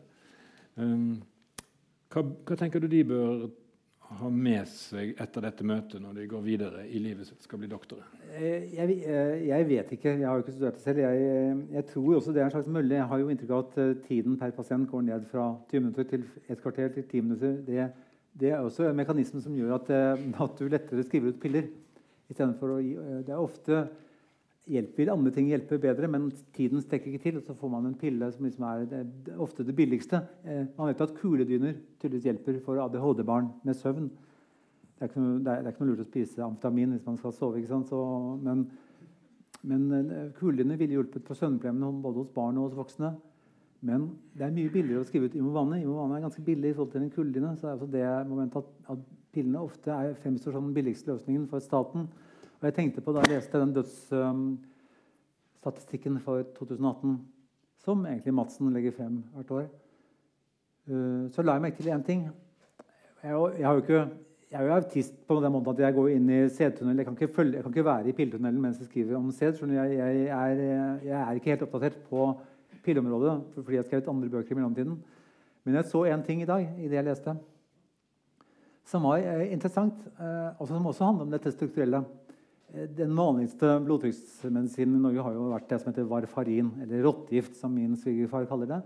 Det, er, det er, var identisk med rottegift, men så ble jeg faktisk, virket ikke på rotter mer. Så de måtte lage mye med Temus, heter vel den nye på rotter. Så det var en rottegift som sluttet å virke på rotter, og så ble den blodtrykksmedisin. Det dumme var at alle disse gamle menneskene må, måtte da til legen jeg tror kanskje en gang i måneden eller hver tredje uke. I måtte de til legen hele tiden og måle INR i blodet. Det var veldig innbringende. det skal jeg si. Jo, det, det var det nok, men, men det, masse, det, tar jo tid. Det koster penger. Det koster, og Madsen regner ut det koster 600 millioner med alle disse gamlingene som skal måle INR. Og Det visste jo legemiddelindustrien, så plutselig kommer legemiddelindustrien med alle disse nye midlene, NOAC-midlene, som de kalles. Den gruppen av midler som skulle være mye tryggere, og som ikke minst ble solgt inn til Legemiddelverket i alle land, fordi da skulle man slippe at millioner av gamlinger skal gå og måle blod hele tiden. De skulle slippe å måle blodet altså, og spare 600 millioner på papiret. Det var poenget, og sånn fikk de solgt inn. Så man, har visst at i USA så dør det mange flere nå. Eh, liksom, det dør elleve ganger flere av de nye midlene enn av varfarin, selv om 90% fortsatt bruker varfarin. Og jeg så i den eh, artikkelen dag at eh, den midlet som heter Ellie Keys, Eh, som er en av disse no, nye NOAC-midlene, hadde, hadde, tatt livet av og Dette er jo toppen av isfjelldødsfallene, men den var ansvarlig for mer enn dobbelt så mange dødsfall i 2018 som gamle varfarinen. Og det er jo interessant, for det er solgt inn strukturelt da, for å spare storsamfunnet mot alle disse besøkene på legekontoret. Ok, Jeg syns ikke du svarte så mye på hva de studentene skal tenke fremover i livet sitt. Men, men, jeg, men, jeg, tenker, jeg er professor på universitetet, og jeg syns de skal tenke på at de vil lære veldig mye om farmakologi. Og de vil lære det på en sånn måte at de vil merke at det er kunnskap som teller, og som handler om hva ekte leger vet noe om. Så vil de, vite, så vil de lære veldig lite om ernæring. Så vil de lære nokså lite om fysisk aktivitet og hvordan de kan påvirke det. Og så vil de lære for lite om psykologi. Ja. De, sånn var det for deg? Ja. Sånn var det for meg. Men sånn er det fortsatt. Um, og Det skyldes heller ikke at noen er korrupt eller dum eller vil vondt. Men noen ting står sterkt, andre ting står svakt. Jeg har alltid vært innmari glad for at jeg ikke ble lege. fordi um, jeg har vært til stede når folk plutselig roper på en flyplass eller på et stevne, så er det noen som sier er det noen, er det noen lege her? det, og Da har jeg alltid vært glad for at jeg ikke er lege. Jeg, for det var noe av grunnen til at jeg ble statsviter. Det er aldri noen som sier er det noen statsviter her? jeg er alltid glad for å komme bakerst i køen av leger. da. Um, ok, nå må vi høre om det er noen i salen som vil si et eller annet eller spørre om noe. Og, og gjerne at dere sier bare helt kort liksom, hvor kommer den stemmen ifra, om dere, har, om dere er helseperson eller et eller annet sånt. Hvem vil begynne? Der er det, Tom. Jeg ser noen.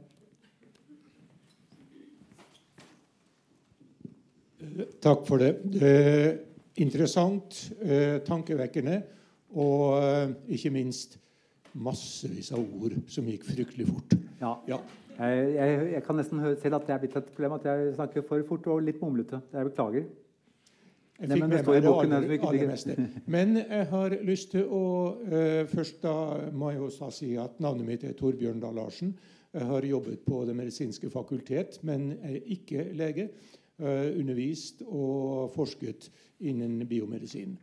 Eh, men eh, som da medlem i Forskerforbundet så har jeg da den glede av å få et magasin eh, i ny og ne i posten. Og det siste fikk jeg nå i, for noen timer siden, så jeg har ikke fått sett så fryktelig nye på det. Men der var det en oppfølging av forrige nummer av Forskerforbundet. Og der har de nå fokusert på kan vi stole på medisinsk forskning? Og her var det mye interessant. Hvis du ikke har lest det, så anbefales det absolutt. Takk. Kan vi stole på det? Sto det der? Nei. Nei. Nei, jeg, jeg, opplever vel at jeg egentlig har gitt et svar på det spørsmålet i boken. Men, men det, det, er også mitt problem når du har skrevet faktabøker innenfor sånne områder. Du kan liksom ikke holde deg oppdatert innenfor alle de feltene du har skrevet bøker. fordi jeg er jo i gang med neste bok nå. Jeg, jeg må ut av tunnelene også. For min kones del Min kone syntes det var greit jeg intervjuet Marit Bjørgen. For da snakket jeg bare om Bjørgen, bare om Bjørgen i to uker. Men jeg kom ut av Bjørgentunnelen etter to uker. Nå er jeg liksom i pilletunnelen i halvannet år. og det er Mye verre å leve sammen med nå. Og særlig hvis jeg skulle holde meg oppdatert. Så Det er en av grunnene til at jeg også må slutte med det. Jeg, jeg må på en måte legge det fra meg. Jeg kan ikke fortsette med pilleforskning og sånn. Øh, eller CD.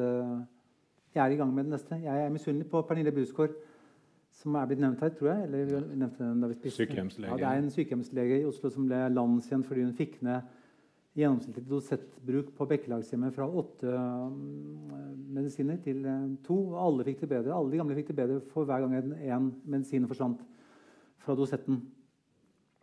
Uh, og Jeg er misunnelig på henne fordi hun er jo i den tunnelen hele tiden. Det er hennes liv. Hun forandrer mye mer kanskje enn jeg har forandret med å skrive en bok og kaste meg inn i neste tunnel.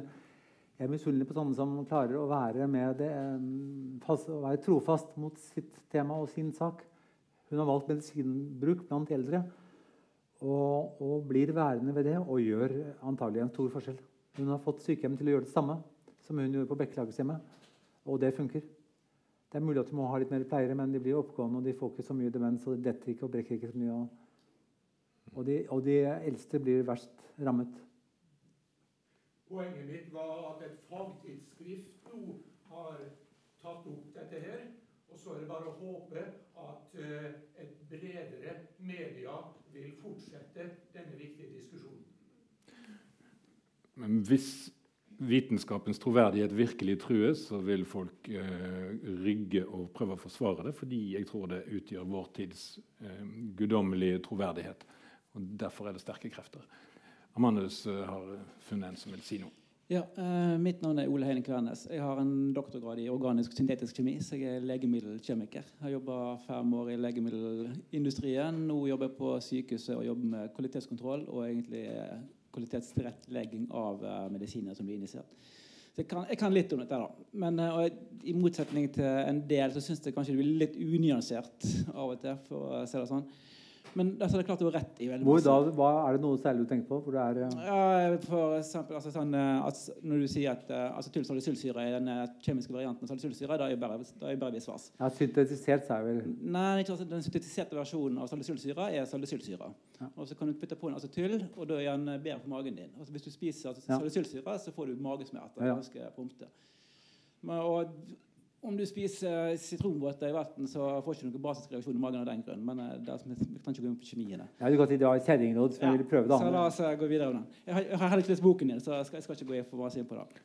Hold litt, mikrofonen litt nærmere. At uh, legemiddelbransjen er til, til, altså til tider råtten, da er det jo ikke en tvil om. Altså, det er jo bare å gå inn på den der uh, opiatsaken som går i USA for tiden, og det er jo en uh, tvers gjennom en tragisk affære. Men altså, samtidig, altså, og jeg har jo en en kjepphest på at vi har jo stilt oss der at vi har gitt kapitalismen da, den rettigheten å gi oss disse medisinene. Og det er jo egentlig en tragedie. sånn sett. For du, altså, du, stoler, altså, du, stoler, fullt ut på at menneskers uh, mulighet til å kjøpe seg en bedre helse den blir uh, besvart av et uh, selskap som kan gi deg, kan gi deg bedre, bedre helse. Og Det vekker en veldig masse følelser i folk fordi at du får akkurat det at du kan kjøpe deg bedre helse. Noen kan kjøpe seg bedre helse, noen kan ikke. fordi noen har bedre mer penger enn andre. Så, blir, så, har det heldigvis land i Norge som, der dette blir tilrettelagt, som òg gjør jo at dette dyr, blir dyrere for, for uh, Roche og for uh, Pfizer. Da skal de plutselig faktisk megle med nasjoner. De er nødt til å ha en avtale med en nasjon. Og Da sender du ikke, sender du ikke sekretæren din. for du er en, en avtale med Sverige her. Da, da er du nødt til å ha en ganske enorm byråkratisk avdeling. for å gjøre det. Altså, det blir dyrt. Men igjen De vil besvare våre behov, men ved en viss forsinkelse. Når noen har antibiotikaresistent, så får vi, får vi en forsinkelse der. Fordi altså, De vil produsere medisinene når vi trenger dem, men ikke før Nei. vi trenger dem. Så, så, så det, altså, det, det, er et, eh, de fungerer, men uh, det er en klart problem der. Men er du enig i det der med at man kunne vurdere å ta bort patentet eller ta det ut av blåreseptordningen? Patent, patent sånn som i dag er, det, er ment, det, er ikke, det, virker jo ikke sånn som det var ment. Men patentet var ment for at det skulle være til det beste for befolkningen, og for å passe på at alle fikk det beste av et gode. Og I dag fungerer det som en ren sånn varemerkebeskyttelse. Så nei, de fungerer ikke. og Jeg er helt enig, jeg er enig med den delen der. Mener, Norge, som vi sitter på vår høye hest, vi har jo mer penger enn noen andre i hele verden. omtrent. Hvorfor kunne ikke vi gått inn lagd et eget uh, statlig legemiddelselskap? Du kan putte penger i tropemedisiner, som ingen gidder putte penger på. Du kan putte penger i altså, orphan drugs, som er minimale markeder. Norge kan fullt ut ta den jobben. Det er plenty penger i det òg. Så det er ikke at du ikke tjener penger på legemiddelbransjen. Sånn. Og så er det faktisk veldig oppskrytt. det er veldig overraskende en del av boken er jo også hvor lite av de store eh, gjennombruddsmedisinene som er utviklet av legemiddelindustrien, det er på en måte enighet om at Eh, insulin, eh, penicillin og poliovaksinen var de tre viktigste medisinske ja. oppdagelsene i forrige Blok år. Blockbusteren blir lenger og lenger mellom. Og alt det, alt det, ingenting av det er fra legemiddelindustrien. Alt det er offentlig forskning. De tre Ja, og, og, gamle naturpreparater. Men, men samtidig vi har vi jo gått vekk fra kvikksølv og arsenikk. Så det går jo bedre. Og vi lever lenger og lenger. Altså, du, du, du ja, kan... men det vet du nå. Du mumler nesten like mye som meg, hører jeg. Det er fint. Vi kan mumle ganske lenge. men, Uh, altså, det jeg hører jeg jo overalt, at vi lever lenger enn noen gang. Ja. Men det er bare viktig å informere folk om at det er basert på de menneskene som allerede er døde, og de ble fortsatt født før eller rundt før annen verdenskrig. Um, det er altså ingen som vet hvor lenge vi som er i rommet her, kommer til å leve, eller barna våre. Det er, I USA har det snudd. I USA faller levealderen. Ja, ja, vi var I 50-årene var Norge det lengstlevende folket. Ja, så, samtidig, de, de, som går på ni, de som står på 6, 7, 8, 9, 10 medisiner per dag, de er jo i dag 70-80 år. Men, men, det er jo, jeg bare er så lei av å høre på det, fordi eh, det gjelder ikke oss. Det gjelder de som er døde. Vi vet bare om de som er døde. Det er, det er sånn man lager den statistikken. Vi vet iallfall at uh, fattigdommen i denne delen av verden har gått ned, og der er det en haug med faktorer som gjør at du lever kort. Så det har ikke noe med legemidlene å gjøre. stort sett. Ingenting. Seriøst. Okay. Du har, mange. made your point. Du kan komme tilbake igjen senere hvis du har noe gøy å si. Og så Ja, du vet jo masse. Det er jo kjekt, det.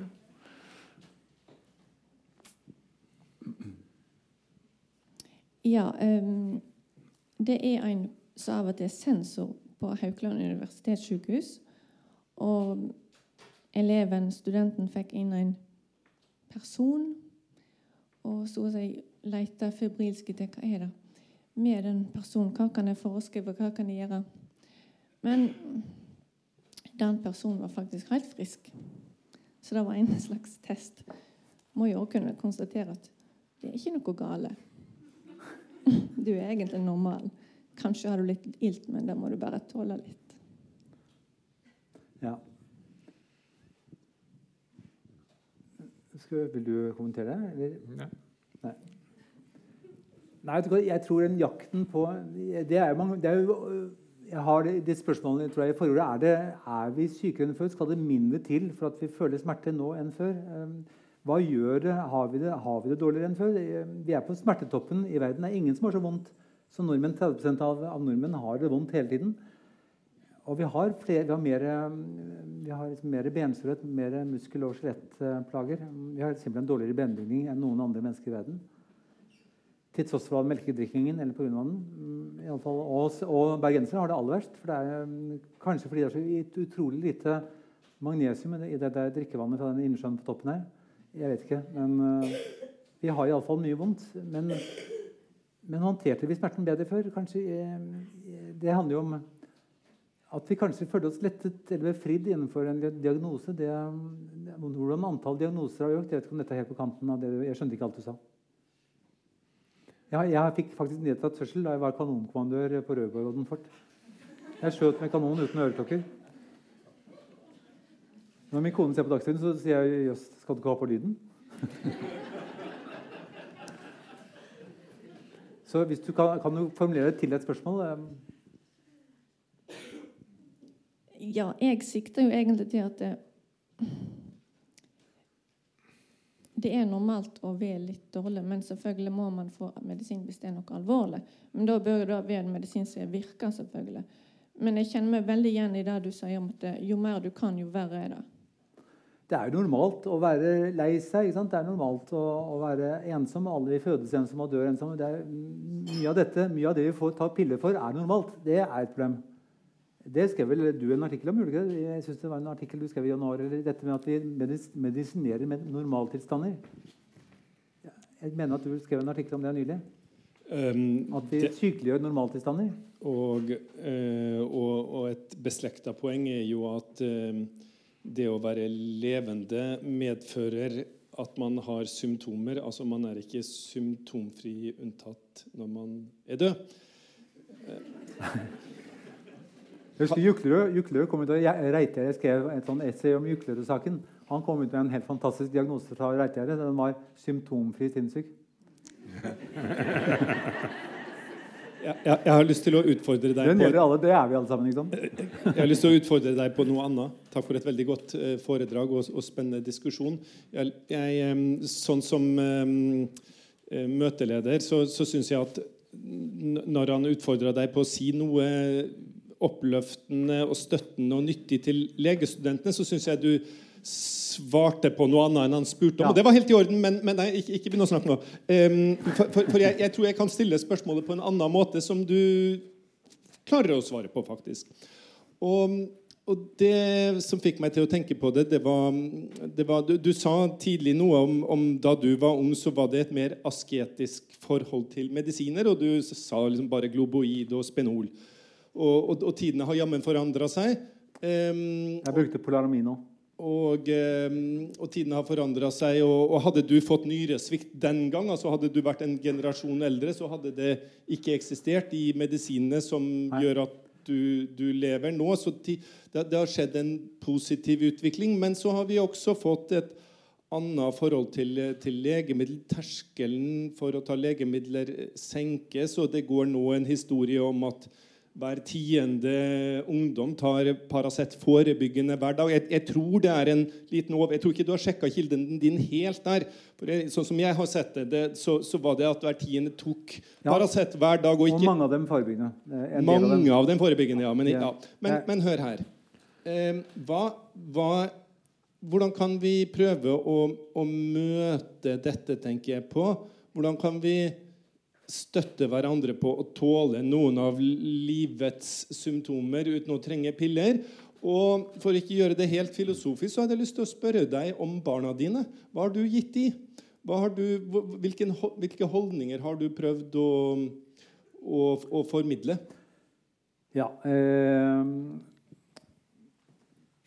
Det som skjedde rent konkret hjemme hos oss var jo faktisk at eh, datteren vår sluttet å spise kjøtt i 2009 eh, av, av, hensyn til eh, dyrene. Eh, det er den beste og vakreste grunnen. Og, og det, er et, det, er et, stort grep. Vi har vært, ganske, vi har vært nokså hardcore, iallfall min kone. Jeg har jo blåst i maten, sånn som mannfolk ofte gjør. Jeg var sånn som stoppet på Ikea og tok tre sånne femkronerspølser på vei hjem liksom, da jeg hadde gjort et intervju.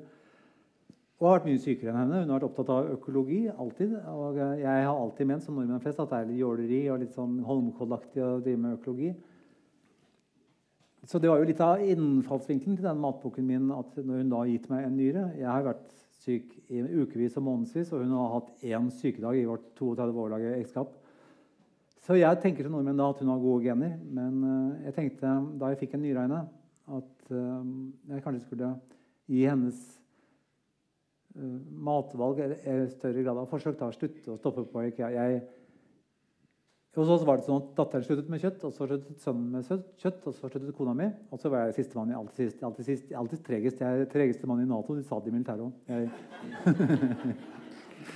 Men eh, jeg eh, har sluttet med det, og det går veldig fint. Det går bedre enn før. Det går jo så bra. Jeg går jo til legen og fyller liksom ni reagenser med blod hver tredje måned fordi jeg er transplantert. Sånn er det. Og nå skal jeg eh, dit igjen i mars. Eh, og Det betyr at de sjekker eh, to-tre ark med mål. Og det går jo såpass bra at det går bedre med meg enn med noen andre transplanterte i Vestfold, sier han ene legen. Og en lege sa dette er veldig bra. Kan jeg få spørre deg om hva du spiser? Så Det kunne kanskje være et tips til dere som sitter bak der og er førsteårsstudenter og interesserer seg litt mer for kosthold. En del leger gjør det. Det er jo veldig forskjell på fastleger. Eh, og de legene som bryr seg om det Man kan gjøre ganske mye med maten. Altså, jeg mener, det er jo ikke noe, det noe ugga bugga. Det er masse studier. Det er store studier som viser at middelhavsdiett, som hovedsakelig består av fisk og, og grønt, at det har bedre virkning på kolesterolverdiene enn, enn de mest effektive statinene. På samme måte som, eh, som middelhavsdiett har bedre effekt enn alle antidepressive legemidler. Det er ganske viktig at leger, eh, om ikke de får undervisning i det, så må de skolere seg selv. For det er, eh, det er mye som kan leges med livsstil, selvfølgelig, men også med kosthold. Det er viktig at leger lærer det i større grad. For det skjer uten bivirkninger. Var det noe i retning av et svar?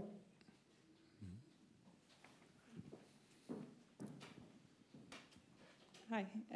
Jeg er farmasøyt, og jeg bare lurte på om du kjenner på Eller hva dine tanker er rundt ansvaret når du kommer med sånne uh, altså, For du har sagt veldig mye som er sjokkerende. sant? Så jeg bare lurer på om du føler litt på det ansvaret med f.eks. med paracetamol, som du sa er hormonforstyrrende, som ikke er feil. Men når du kommer med en sånn påstand, og hvis noen her i salen sitter igjen bare med det ja da, du, de Det er jo ingenting av dette som jeg ja. Du kan si det ferdig. Kom igjen. Ja, uh, og hvis de er i en situasjon der f.eks. et barn har litt høy feber, eh, og så lar de være å gi Paracet pga. at de tenker at det er hormonforstyrrende, og så er kanskje feberen farligere. Altså Kjenner du litt på det, for, det ansvaret ved å på en måte ja, ikke være faglært og ikke kunne ta de vurderingene om hva som er til det beste, selv om kanskje altså, det beste av to onder, da, rett og slett. Jeg, jeg, forstår spørsmålet, og jeg skjønner at det virker unyansert når jeg bare sier det under et foredrag at det er, virker hormonforstyrrende. det står sentralt i min nyeste bok, 'Spermageddon'. Det er mer hormonforstyrrende vet jeg når jeg har skrevet den. Det har større skadevirkning på sædkvaliteten enn jeg visste da jeg skrev 'Pillebefinnende'. Men uh, i boken er det sånn at det er gjort masse studier. ekstremt mye studier. Paracetamol fyller en ganske stor del av denne boken fordi det er forsket så mye på det. Og man vet da at det ikke rammer Det er ikke så farlig å ta en Paracet nå og da. Det er, det, er den, det er, den, langvarige bruken over uh, uker, uh, særlig når man er gravid. Det vet man veldig godt at Hvis det er langvarig bruk under graviditet, så er det forbundet med flere typer fosterskader. Det er ikke noe jeg har funnet på eller drømt. Det er gjort masse studier på det. Uh, det vet man om. og er, jeg føler at det er mye større ansvar å ikke fortelle folk om det. Jeg synes at man, at man skåner hverandre til pinne ved ikke å fortelle om det jeg, jeg, skjønner at man kan ha vondt når man er gravid og når man er ikke gravid. Og iblant trenger man Imovane. Jeg trengte det. Jeg trengte sovemiddel, jeg trengte Imovane sovemiddel da jeg var nytransportert. Å sove de første to ukene er kjempevanskelig. Og Imovane gir deg ikke ekte søvn. Du får ikke den søvnen du blir Du våkner med metallsmak i munnen og er ikke uthvilt. Så det er sånn juksesøvn. Mm. Og du blir avhengig av den etter hvert. Så, så det gjelder å stoppe i tide. Men man trenger iblant Paracet, man trenger iblant sovemiddel. Det, det, er ikke det som er problemet. Eh, å ta Paracet enten du er gravid eller ikke, og ta det en gang i måneden. Problemet er når du begynner å ta det daglig eller, eller i ukevis. Da er det, da er det, det var tre journalister i svenske Dagbladet som tok et forsøk. De tok maksdosen av uh, paracetamol i Skandinavia, som er uh, åtte sånne uh, eh, 500 grams eller fem, det, altså, det, er åtte av den vanlige som du får på Rema. Fire gram heter det maksdosen. Det var tre journalister som skulle ta maksdosen i en uke for å se hva som skjedde. Og de måtte slutte etter tre dager fordi den ene fikk alvorlig leveskade. Eh, så det handler jo Jeg føler ikke noen skam for å fortelle om disse studiene som er gjort. Eh, jeg synes De bør jo føle seg mye mer skamfulle, Madsen og de andre, som ikke forteller om de skadene som faktisk inntreffer.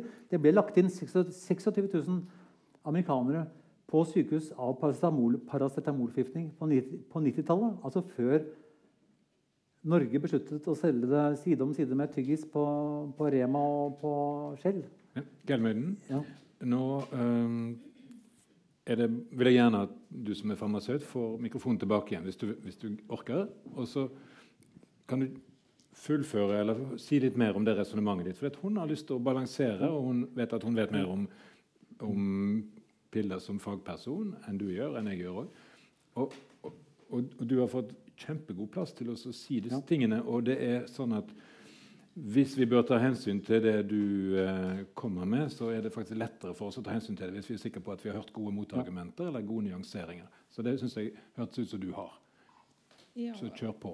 Uh, nei, det var egentlig bare om du hadde reflektert når du skrev den boken. Nå har ikke jeg lest den, dessverre, men den er nå på listen. Um, jeg bare lurte på om du sjøl personlig hadde reflektert konsekvensene av at du kommer ut med informasjon som kanskje ikke mottakeren Eh, kan håndtere. Da. Altså at Konsekvensen kan være at en som er gravid, tar en Ibux for en Paracet. Eh, ja. ja jeg, jeg, har uh, tenkt på det, og jeg tematiserer det i forordet. Jeg, jeg har, skriver på første side at jeg åpner med at jeg selv tar ni piller uh, om dagen for å beholde transplantater fra min kone. Jeg mener at uh, jeg, verken forlaget eller jeg vil um, ha oppfordret folk til å slutte med de pillene folk har fått forskrevet. Eh, jeg har vært engstelig for at folk dør som følge av at de slutter med livsviktig medisin. selvfølgelig har jeg vært Det eh, Det er ganske få piller som gjør en stor som redder liv, eh, det er det, men, men jeg har vært engstelig for å, å, være ansvarlig for at folk pådrar seg skader eller død ved å slutte med legemidler. Selvfølgelig har jeg vært det. Ja, og det kan, være, altså det kan jo være et resultat av at man kommer med sånn shock value-ting. Og jeg sier ikke det på en nedverdigende måte i det hele tatt. Altså det, det er jo sjokkerende. Uh, og eh, jeg vet du har jo gjort din granskning. Men jeg håper på en måte Men, også at hvis du leser den, at du ser at dette er forbehold som er lagt inn, at det er ordentlige greier. altså At det er ganske nyansert. Jeg, jeg, mener at vi trenger veldig mange av disse legemidlene når vi har vondt, eller når vi ikke får sove, når vi er dårlige, hvis vi er transplantert, hvis vi får kreft. Det er ganske ofte i livet at man trenger piller. Uh, jeg mener at dette er jeg vil påstå at det er en nyansert bok. og Ellers ville den ikke fått så god omtale som den fikk i Sykepleien og Farmasøytisk tidsskrift. og, og sånt. Jeg er veldig glad for det, at den har fått eh, god omtale nettopp for um, sine nyanser. Ja, og Hvis jeg kan komme med en tilbakemelding på dagens uh, forelesning, holdt på å si, uh, så er det vel at jeg syns du fokuserte litt lite på individet. Da. Ja. Altså At mottakeren uh, faktisk er et menneske som kanskje ikke vet all verden. og vi er jo ute etter raske løsninger. Sant? Vi har kanskje ikke lyst til å trene så mye og gi opp den chipsen osv. Eh, og det er jo òg sånn i min hverdag så møter jeg mennesker som er ute etter en rask løsning. Og eh, de har ikke lyst til å nødvendigvis eh, trene hvis de er litt deprimert.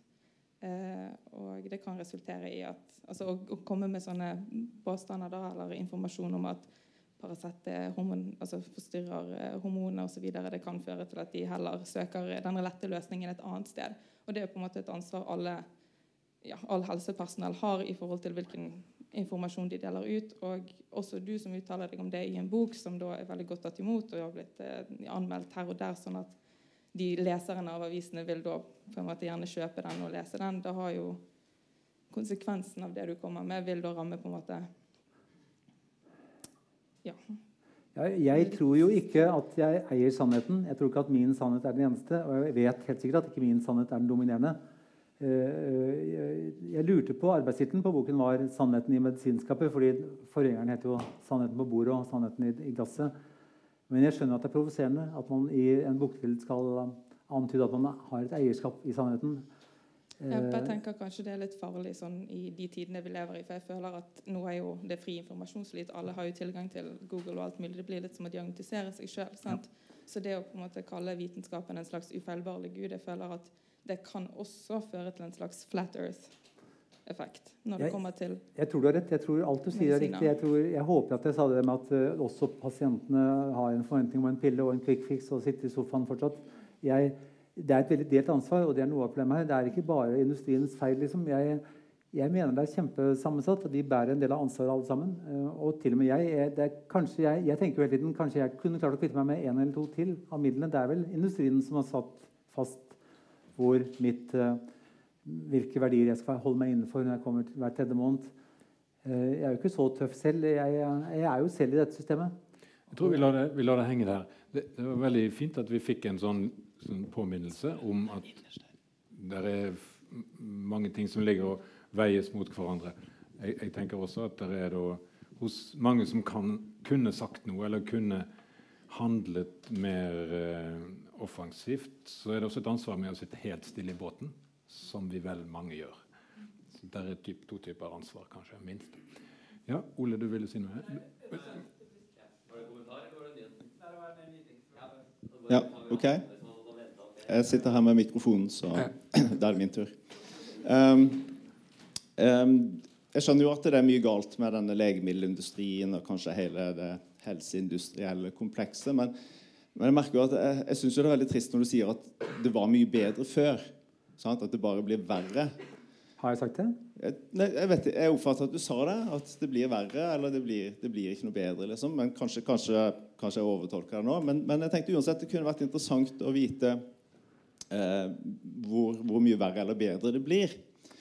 Og så har jeg selvfølgelig googlet litt, sånn som er så lett å gjøre. Og så ser jeg at eh, jeg syns også at du sa, men du får korrigere meg, da, at du er født i 60. Ja. Eh, og så har jeg googlet at gjennomsnittlig forventa levealder, altså de som døde i 1960, de var i gjennomsnitt 75 år omtrent. Og de som eh, dør i år, de er i gjennomsnitt eh, nesten ti år eldre. Og så tenker jeg Hvis vi hadde satt en strek i 1960, bare sagt opp Eh, kontraktene med Merck og GlaxoCline og hele kostebinderiet. Bare sagt nå har vi de medisinene vi skal ha. Og da lurer jeg på, så sitter du, du har jo studert inngående de negative effektene med all den fæle helsevirksomheten. Og så har vi ved siden av deg har vi jo en lege som driver og deler ut dette greiene til folk. Uh, og så lurte jeg på om kanskje dere kunne prøve å estimere hvor, hva ville levealderen vært hvis vi hadde satt den streken 1960? Hva ville levealderen vært i dag? Ville den vært høyere eller lavere, og omtrent hvor mye? Eh, ja, jeg, kan du gjøre det? Ja, ja, det der har vært uh, noe av pensum som jeg til dels har vært med å undervise. Inntil for ikke så mange år siden så var det helt godt dokumentert at, at legemidler ikke hadde noen effekt på levealderen. Og at den steg som en rakett pga. Uh, levekårsendringer. Og ikke minst uh, ernæring og den type ting, og spedbarnsdødelighet osv. Sånn, som, som får utslag på gjennomsnittlig forventet levealder. Så det var, ehm, det var liksom katekismen inntil for relativt kort tid siden. Men jeg har sett i løpet av de siste fem årene en ny forskning som eh, sa at nå skjer det f.eks. skjedd så mye med hjerte-karmedisin eh, at en regner med at nå kan det være snakk om eh, til tre år av disse ekstra som kan attribueres til medisinsk innsats. Men da er det flere ting. Da. Men da er nok en del ja, piller i den haugen av, av, tiltak. Men, men, før så hadde det ikke den type effekt på befolkningen. Der er, der er data på sånt. Jeg vil ikke jeg, hvis, Har du mer? Nei. Nei. Jeg vil bare si det du sa i åpningen um, med at Jeg vil ikke at dere skal gå herfra og tenke at alt var bedre før. i gamle dager under krigen. Det, det, er mer at jeg håpet selv da jeg begynte på denne boken, at det, at det var, er blitt bedre. At det er en slags bedring. At midlene er tryggere og mer gjennomprøvet nå enn de var da jeg ble født. Uh, det hadde jeg et håp om. Uh, og, og, det er ikke et veldig tydelig mønster, ikke minst pga. Clinton-avgjørelsen, at man har halvert godkjenningstiden. Eh, så påvirket det kvaliteten eh, uheldig. Eh, og, det hjelper heller ikke at de tjener mer selskapene. Det skulle man jo med, tro at medførte mer forskning og bedre legemidler, men det er heller ingen sammenheng. Og så har jeg jo, som alle andre nordmenn, håpet at det er verre i USA og, i andre land. Enn, og det er ikke nødvendigvis tilfellet, det heller. Så sånn sett var det litt nedstående. Det betyr ikke at jeg har ment eller påstått at alt var bedre før. Ok. Amandus, har du oversikten? Jeg hadde bare et lite spørsmål, fordi Du sa jo at du gikk på Nexium i elleve år. da. Ja. Og jeg har gått på den sjøl i ei uke. Men uh, det, det sto jo på pakken at jeg uh, må ikke overskride disse mer enn for, for min jeg tror det var 11 dager, eller om det var 14 dager, 14, to, 4 uker. Ja. Så spørsmålet, da kan du si at uh, Industrien har jo for så vidt gjort jobben sin og sagt at uh, her er et legemiddel som du ikke skal bruke i mer enn fire uker. Men hva med legen din? Hvorfor sto du på dette her i 11 år? Fordi jeg fikk påvist øsofagitt. Men burde, altså, Kan Kanskje du òg tilskriver legene en del av ansvaret her? for, for Som du sier, Tove Brusgaard, jeg har lest om henne selv, det er jo en fenomenal jobb å gjøre. Men er ikke, altså, er ikke det opp til legene, som da faktisk setter en pasient på ni-ti medisiner som du da står på i altfor lenge? Og de, når, de står på, når de står på søvnlysene i betydelig lengre tid enn de trenger utover den medisin, medisin, sykdomsfasen de har vært i, er ikke dette vel som å legene som har et ansvar? Det kan jeg svare på. Jeg, og jeg kan vel si meg nokså enig. Og jeg, igjen så føler jeg meg truffet, for jeg har gjort tilsvarende ting. Og jeg vet at det skjer veldig lett når eh, en pasient som har stått på medisinen så lenge som det står på pakningsvedlegget, kommer tilbake igjen og sier du, det gjør grusomt vondt. Nå med en gang jeg stoppet med de medisinene, så gjør det grusomt vondt. Og så har ikke hjernen min tilgang til noen eksempler på at hvis vi fortsetter, så går det galt. Og da er det fort å kortslutte til at hvis vi fortsetter, så går det helt fint. Selv om. Og i dette yrket så tror jeg at uh, toleransen for å kutte hjørner og ta sjanser, den øker. Uh, det er en, å være doktor er å håndtere så sykt mye usikkerhet, uh, og det går ofte fint. Og du tar sjanser, og du, gjør, du, du bærer ting på skuldrene dine. Så jeg tror at du har Hvis du sier at vi kunne vært opplært til å være strengere og forholde oss litt mer til den type informasjon ja. som kanskje fins. Som jo er denne kampanjen som går for tiden. Så. Ja, så jeg ville være enig i deg. Og Samtidig så er det da altså det, Ikke for å beskytte den industrien, han trenger, han trenger ingen beskyttelse. Du, du, snakker for fort, Ole. Det er vanskelig å høre hva du sier. For Problemet er da at når du går på Nexium utover de fire ukene, så er du on your own. Altså du, og da sier jeg at ja, men dette her fører jo til, uh, til jernmangel og til uh, mineralmangel og bla, bla altså Det er på en måte selvforskyldt, for du bruker jo medisin uh, off-label. enkelt og greit. Altså Det er ikke lenger sånn medisin var ment for å virke. Jeg tenkte på en opplysning. Jeg kommer på nå, kan jeg ta den? Jeg, jeg bare kom på noe om Nexium som er interessant. Som kanskje er en interessant forskjell. fordi eh, jeg eh, hadde jo stått på den en stund, og så går du da på apoteket. Jeg gikk på sykehusapoteket på Sentralsykehuset i Vestfold, hvor jeg går og tar blodprøver, og til min overlege hver tredje måned. Der henter jeg også ut bensinene iblant. Og det gjorde jeg en gang. Også. og du jo, du, Når du gjør det i årevis, så blir du litt kjent med apotekeren. Og dessuten hadde jeg spalter, sånn, litt sånn lokal tjenest skriver i Tønsberg Blad. Så han kjente meg igjen kanskje av den grunn òg. Men han sier iallfall apotekeren ja, du, da, da, han nettopp ga meg Nexium Om det var 20 eller 40 doser, husker jeg ikke. Jeg har stått på begge. Liksom. I alle fall, så sa han ja, du vet vel at man kan få kreft i, i spiserøret av det, eh, og magen. At det øker risikoen for å få kreft eh, hvis du spiser Nexium lenge. Det var det apotekeren sa. Og så sa jeg nei, det visste jeg ikke. Det har ikke jeg hørt. Eh, dette var lenge før jeg skrev legemiddelboken. Jeg sa jøss. Eh, det ante jeg ikke. Men da jeg da kom inn til min overlege, så mm, neste gang så sier jeg at han apotekeren her borte på sykehusapoteket sier at man kan eh, få økt eh, risiko for eh, kreft i spiserøret og kanskje også i, i mage-tarm hvis man står lenge på denne Nexiumen. Vet du noe om det? Nei, sa legen. Det har jeg aldri hørt om. Og det tenker jeg er kanskje et interessant bilde at apotekerne har jeg har skjønt det, at de har et helt annet forhold til legemidlene. Apotekerne vet ofte mer om pillene enn legene. Mm. Det er helt sant. jeg vil gjerne ta en kommentar. Jeg er også lege. Jeg har jobbet som fastlege lenger enn det. Eh, jeg syns at alle som snakker her, egentlig har rett. Men dere har bare rett i en flik. Det er en nyansert diskusjon. Både antidepressiva, kolesterolsenkende medisin og Nexium skal brukes i lange perioder av enkelte pasienter. De har kjempestor nytte av det. Men det brukes altfor lenge av altfor mange. Men vi må ikke kaste babyen ut med badevannet her. Disse medisinene gjør fantastisk virkning for en del folk. Men de brukes som sagt i altfor stort volum hvis du ser på befolkningen. Jeg, du, jeg, håper at eh, det du nå sier, er en kjerne i det jeg har sagt. At altfor mange friske bruker medisiner som de har flere ulemper enn fordeler av. I Norge er det for 25 000 mennesker med familiært høyt kolesterol. De tilhører nok den gruppen av eh, statinbrukere som har eh, konkret nytte og effekt av det. Eh, men det at 500 000 andre bruker det, mm, det kan kanskje diskuteres. Og, jeg tror med antidepressiva er jeg litt mer i tvil om, siden der er effektene der er det store metastudier som viser at det ikke virker bedre enn placebo. Jeg er mer i tvil der, men, men at misbruket blant friske mennesker er problemet. Ikke at det gir effekt hos noen mindre trengende grupper. Problemet er at mange burde latt være. Ville hatt det bedre uten. Det er problemet. Ja, jeg tror vi er helt enige. Men det fins faktisk en del veldig alvorlig deprimerte pasienter som trenger å ta sine antidepressiva. For ellers blir de enda sykere hvis de slutter. Så vi må kunne balansere disse tingene. Men jeg støtter generelle, din generelle advarsel til det store publikum. De må tenke seg om før de spiser piller veldig lenge. Stein, når du først sier fornuftige ting eh, Gjør han ikke det? Pleier han ikke, pleier ikke å gjøre det. må, må jo få det til å vare litt. Eh, de som kommer inn og som vil ha nytte av det, de kommer ikke med merkelapp i pannen som sier jeg er den ene som kommer til å ha nytte av eh, antidepressiva.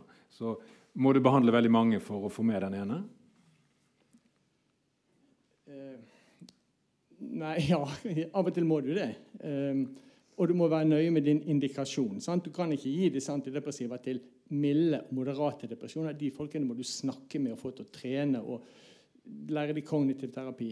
Men de som er så deprimerte at de ikke er i stand til å gjøre noe av dette, og som bare ligger inni sengen sin og ser i taket, de må kanskje ha den type medikamenter, selv om de er utskjelt med god grunn. Ok, så Da har de egentlig en merkelapp, sant? for de har en helt annen tilstand enn de aller fleste som får pillene, og som er de du snakker om. Ok, Så det går an å se forskjell, iallfall i mange tilfeller. Jeg kan, kan jeg bare tilføye noe, fordi Det var jo en stor studie jeg har med i boken som var i regi av FDA, faktisk, som viste at eh, fem av ti FDA, Food ja, det, and Drug det, Administration, ja, ja, som er det amerikanske, amerikanske legemiddelverket, de hvor 70% av de ansatte mener at de ikke gjør det nyttig. Men de hadde en studie for lenge siden som viste Uh, og det er, den, det er kanskje den Madsen har misforstått, Uh, som viste at Fem av ti deprimerte mm, ble bedre av antidepressiva, men fire av ti ble bedre av placebo. Altså i praksis bare én eh, av ti da, ble bedre med antidepressiva. Sånn eh, vil de fleste tolke studien. Eh, men jeg har holdt foredrag, og så hender det at folk foreslår hva hvis det er sant at bare én av ti i beste fall kanskje får effekt. Mange studier viser at ingen av ti får effekt. Men hvis bare én av ti får effekt, kunne man ikke prøve placebo først? Det, kunne det vært noe for deg å prøve placebo først til, på pasienten? Siden det virker på såpass mange. Psykoterapi har samme mekanisme som placebo, og det kan vi styre mye bedre. Og vi slipper ja. å lure folk. Så det går fint. Du eh, eh, maser igjen. Eh, du har kommet med en bok som har fått god, meget god kritikk, fikk jeg høre nå, eh, i ulike fagorgan. Eh, men den har da tydeligvis ikke funnet eh, grobunn i det vi vanligvis kaller media. Er dette noe du har tenkt på årsak til? Ja. Er, det, er, det, media som eh, er litt redd for å eh, skrive ting som de kan kanskje komme i et ansvarsforhold for, overfor? Eh, er det media som regner at nei, dette er high science, dette vil ikke vårt folk eh, være interessert i. Det er mye mer interessert i å finne ut hvordan det går med en eller annen lokal fotballklubb. Eh, kunne jeg få et lite kommentar på det? Jeg, jeg, kan ikke bare skylde på andre. Det er fristende alltid å skylde på andre. Jeg tror ikke jeg bare kan gjøre det. Det kan nok være noe i at det er klikkmentalitet, og at ikke det selger bra nok, at ikke du får solgt så mye aviser. Selv om det er helsestoff på forsidene hver dag. Eh, og at skrekkselger Jeg vet ikke, jeg tror også det skyldes min at det er litt min skyld at den er for faktatung, at det er for mange tall og for mye forskning. Eh, jeg skulle ønske at jeg hadde skrevet den litt mer sånn, sånn som 'Sjarmen med tarmen' og 'Hjernen er stjernen' at, eller 'Trærnes hemmelige liv'. Eh, det, det, er jo bøker som nesten ikke har tall. Jeg, er, det er nok for mange årstall og prosenter, og den ville solgt bedre både til mediene og til menneskene hvis, det var litt, eh, hvis den var litt tynnere, og at den var litt mindre fakta, litt færre studier. Det tror jeg. Eh, det, det er min feil oppi dette. Den er helt ekstremt spekket med dokumentasjon. Um, det er for, mye, for mye, det var Ja, det er, det er, ikke nødvendigvis så lett, men det, er, det gjør det troverdig, og det, og det, sier noe kanskje om din motivasjon med, med, hele dette prosjektet her, som, som, jeg får veldig respekt for. det må jeg si. Men altså, ja, den er sånn sett ganske hard å tygge seg gjennom, fordi du, du, får så mye fakta per side. Det er det. Den er ikke lettlest. Dessverre. Eh, særlig ikke blodtrykkskapitlet. Vi skal snart uh, runde av, folkens. Vi holder ikke på lenger enn til ni. Og Stefan skal si noe om neste møte før vi gir oss. Eh, med disse leger her, kunne du sagt noe om Reles? Sa du penis? jeg, jeg håpet at du sa penis. Ja. Vi, vi, har jo noe som heter RELIS her i Norge. Regionale legemiddelsentre. Oh, ja, oh, ja. Og de gir jo ut veldig god informasjon. Og de er uavhengige av legemiddelindustrien. Det er jo statlige bevilgninger ja. som gjør at de eksisterer. Så de eksisterer altså ved alle regionsykehusene. Og adressen er relis.no. Ja. Og de har også noe som heter mammamedisin.no, som gir veldig god informasjon til gravide og, og hvilke legemidler de kan ta. Du har helt rett. Det er mye fin informasjon å finne på release, som jeg kaller det. Men man uttaler det forskjellig. Jeg skjønte det. Eh, nå eh, at det var det. Og heldigvis er det eh, et nokså uavhengig nettsted. Det er jo lyspunkter. Det er jo nettverk. Det er det som heter Cochrane, som kjemper for å tilgjengeliggjøre mm -hmm. forskning som ikke er blitt publisert. Det er noe som går riktig vei også.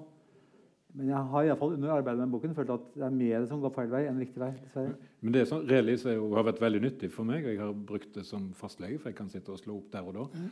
Uh, så det er, det er, veldig bra at du nevner det, igjen med tanke på studenter eller kollegaer som som ikke bruker den type ressurser nok. For det er jo ikke, det er jo ikke markedsført med disse milliardene Nei. i ryggen. Ja, som alle mulige andre måter. Det er jo veldig få som har hørt om det. Ja, ja. Og det er også sånn at Hvis du ikke finner svar på spørsmålet der, så kan fastlegen henvende seg til Relis og få en tilbakemelding. Da, sånn at pasienten får informasjon deretter. Ja. Det som ikke funker så godt, er det som heter lommelegen har jeg sett. Eh, det var en eh, som skrev inn til lommelegen apropos, apropos mitt medansvar, som skrev inn til lommelegen som hadde lest boken og var blitt redd for nettopp uh, Nexium. Så skrev personen til omlegen at uh, vedkommende hadde lest uh, og ville høre om det var så farlig. Og så sier omlegen nei, det er ikke farlig i det hele tatt. Det er ingen, det er bare å pøse på. Altså, Det var en forkortet utgave av det lommelegen svarte, da. Men, men jeg tenkte at det, at, at det kanskje ikke var så uavhengig svar som man ville fått andre steder. Det er jo ingen virkning uten bivirkning. Det pleier, være, det pleier man å være enige om. Stemmer det? Du er også enig i det? Altså, det er ingen... Ja, ja, ja. Lommelegen er vel en privat uh, aktør som ikke er kontrollert av noen andre enn seg sjøl. Men for vanlige folk er det vanskelig å vite hva som er uh, ordentlig, og hva som er lommelege. Ja, det er vel helt håpløst. Nei, så Relis er jo noe helt annet enn lommelegen.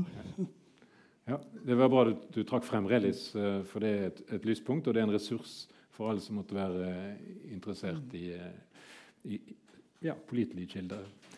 Um, Amandus, er det noen som har uh, ivret etter å si mer nå, eller skal vi runde av? Jeg har skjønt, jeg har skjønt at vi begynner å nærme oss å runde av, men jeg har liksom lurt på et par ting selv. Da, I og med at er ingen av studenter som egentlig har uh, spurt av nå. Og, og da tenkte jeg nå har Stefan og flere av dere i salen har jo også sagt nettopp det at vi er i en tid hvor informasjon er veldig tilgjengelig. da. Eh, og det forventes jo mer av eh, pasienter og alle som oppsøker helsehjelp. Og det legges litt over der, og vi prøver å, prøver å fordele litt skyld. og, og ikke alltid helt fungert. Men, men, det jeg prøver å si, er at i vårt studie, da, som, som, vi går nå, så er det jo eh, mye artikler og slikt vi leser. Og den informasjonen Du sier at ja, du kan jukse med forskning, og du kan framstille forskning på, eh, på, den og den måten.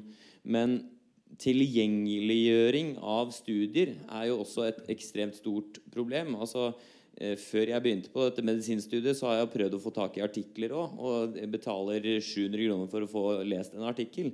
Det å gjemme ting, det å holde ting unna, eh, det gjør det jo bare vanskeligere for oss hvis vi skal gå til legen vår og prøve å være informert. Da. da blir vi jo nødt til å kanskje bruke lommelegen, men heldigvis så får vi jo da Relis og andre som kan gi uh, uavhengig svar. Da. Og så er det jo igjen da mulighet hvordan vi klarer å lese disse studiene. Det jeg prøver å si, er hva tenker dere om uh, ikke bare juks, men, men uh, gjemming av informasjon på, bak betalingsmurer i dagens samfunn, hvor alt skal være tilgjengelig?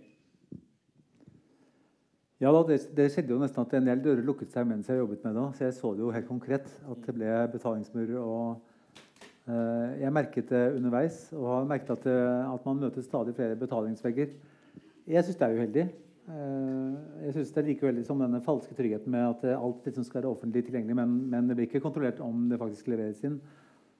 Jeg syns det er mye falsk trygghet på dette området og på de andre områdene. Jeg synes det er på matområdet og på jeg, jeg, ser jo det samme mønsteret på alle feltene. At det er vitenskap som ikke virker, og så er, det vitenskap som virker. heldigvis. Men det er vanskelig for folk og for meg og for alle andre å skille. For legen òg. Det er vanskelig å vite hva som er hva. Det er synd. Det har vært deprimerende å se på en måte at pengenes makt har tiltatt så veldig at man kan kjøpe seg så mye som man kan. Det syns jeg er stusslig.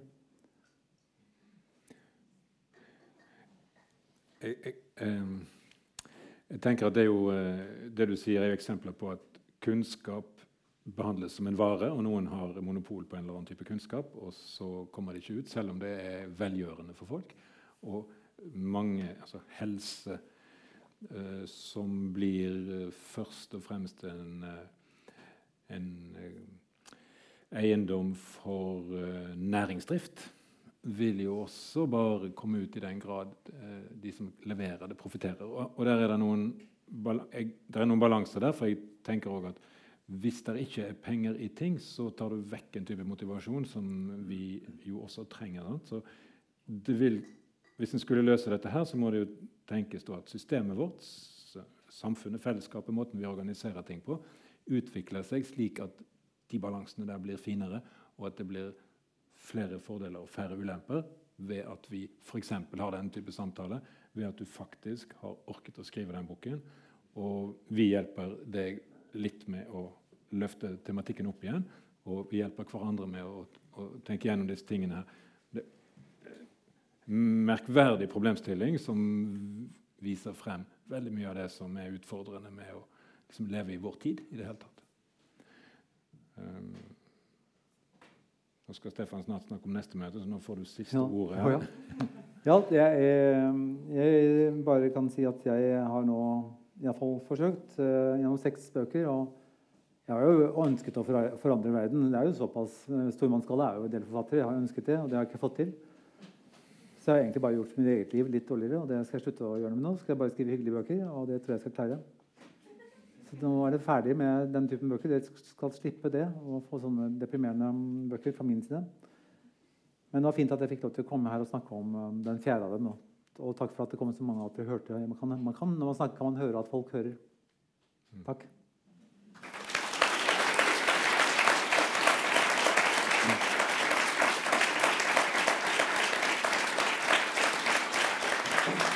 Er de til salg? Det er jo masse bøker det er til salg. Hvis dere en bunke. Vet du om det jeg, jeg, hørte ikke hva han sa, men han sa sikkert noe om at han selger bøker her etterpå. Um, neste møte i Filosofisk poliklinikk blir onsdag uh, 4. mars. Uh, medisinsk mytologi. Kreftgåtens løsning. Jarle Breivik innleder. Han er professor i medisinsk atferdsfag i Oslo. Han har uh, skrevet i New York Times under tittelen 'We Won't Cure Cancer' og provosert eh, ledende kreftforskere internasjonalt. Ehm, Breivik er jo opptatt av god behandling mot kreft, men han påpeker at hvis det fins en kreftgåte som kan løses, ja, hva er den gåten, og hvordan kan vi løse den? Og at det, hvordan vi ser på kreft, og hvilken gåte vi skal løse, det får ganske vesentlige, håndfaste lindrende eller ubehagelige konsekvenser for den hjelpen vi får når vi blir syk og får kreft og trenger behandling. Altså synet vårt på kreft og, hvilken gåte det er vi skal løse, det styrer forskninga og, og behandlinga som får gode og noen ganger mindre gode konsekvenser for, for behandlingen. Så Det blir tema eh, om, den, om, kreftgåten eh, 4.3. Velkommen på det møtet. Og takk for, til alle sammen. Takk, Sånn, Du har skrevet en murstein, og dette er ubehagelig sannhet. Eh, ubehagelig tema. Men vi fikk jo til sammen å ha en ålreit kveld med og diskutere det. Og takk til alle for å bidra til det. Vel hjem.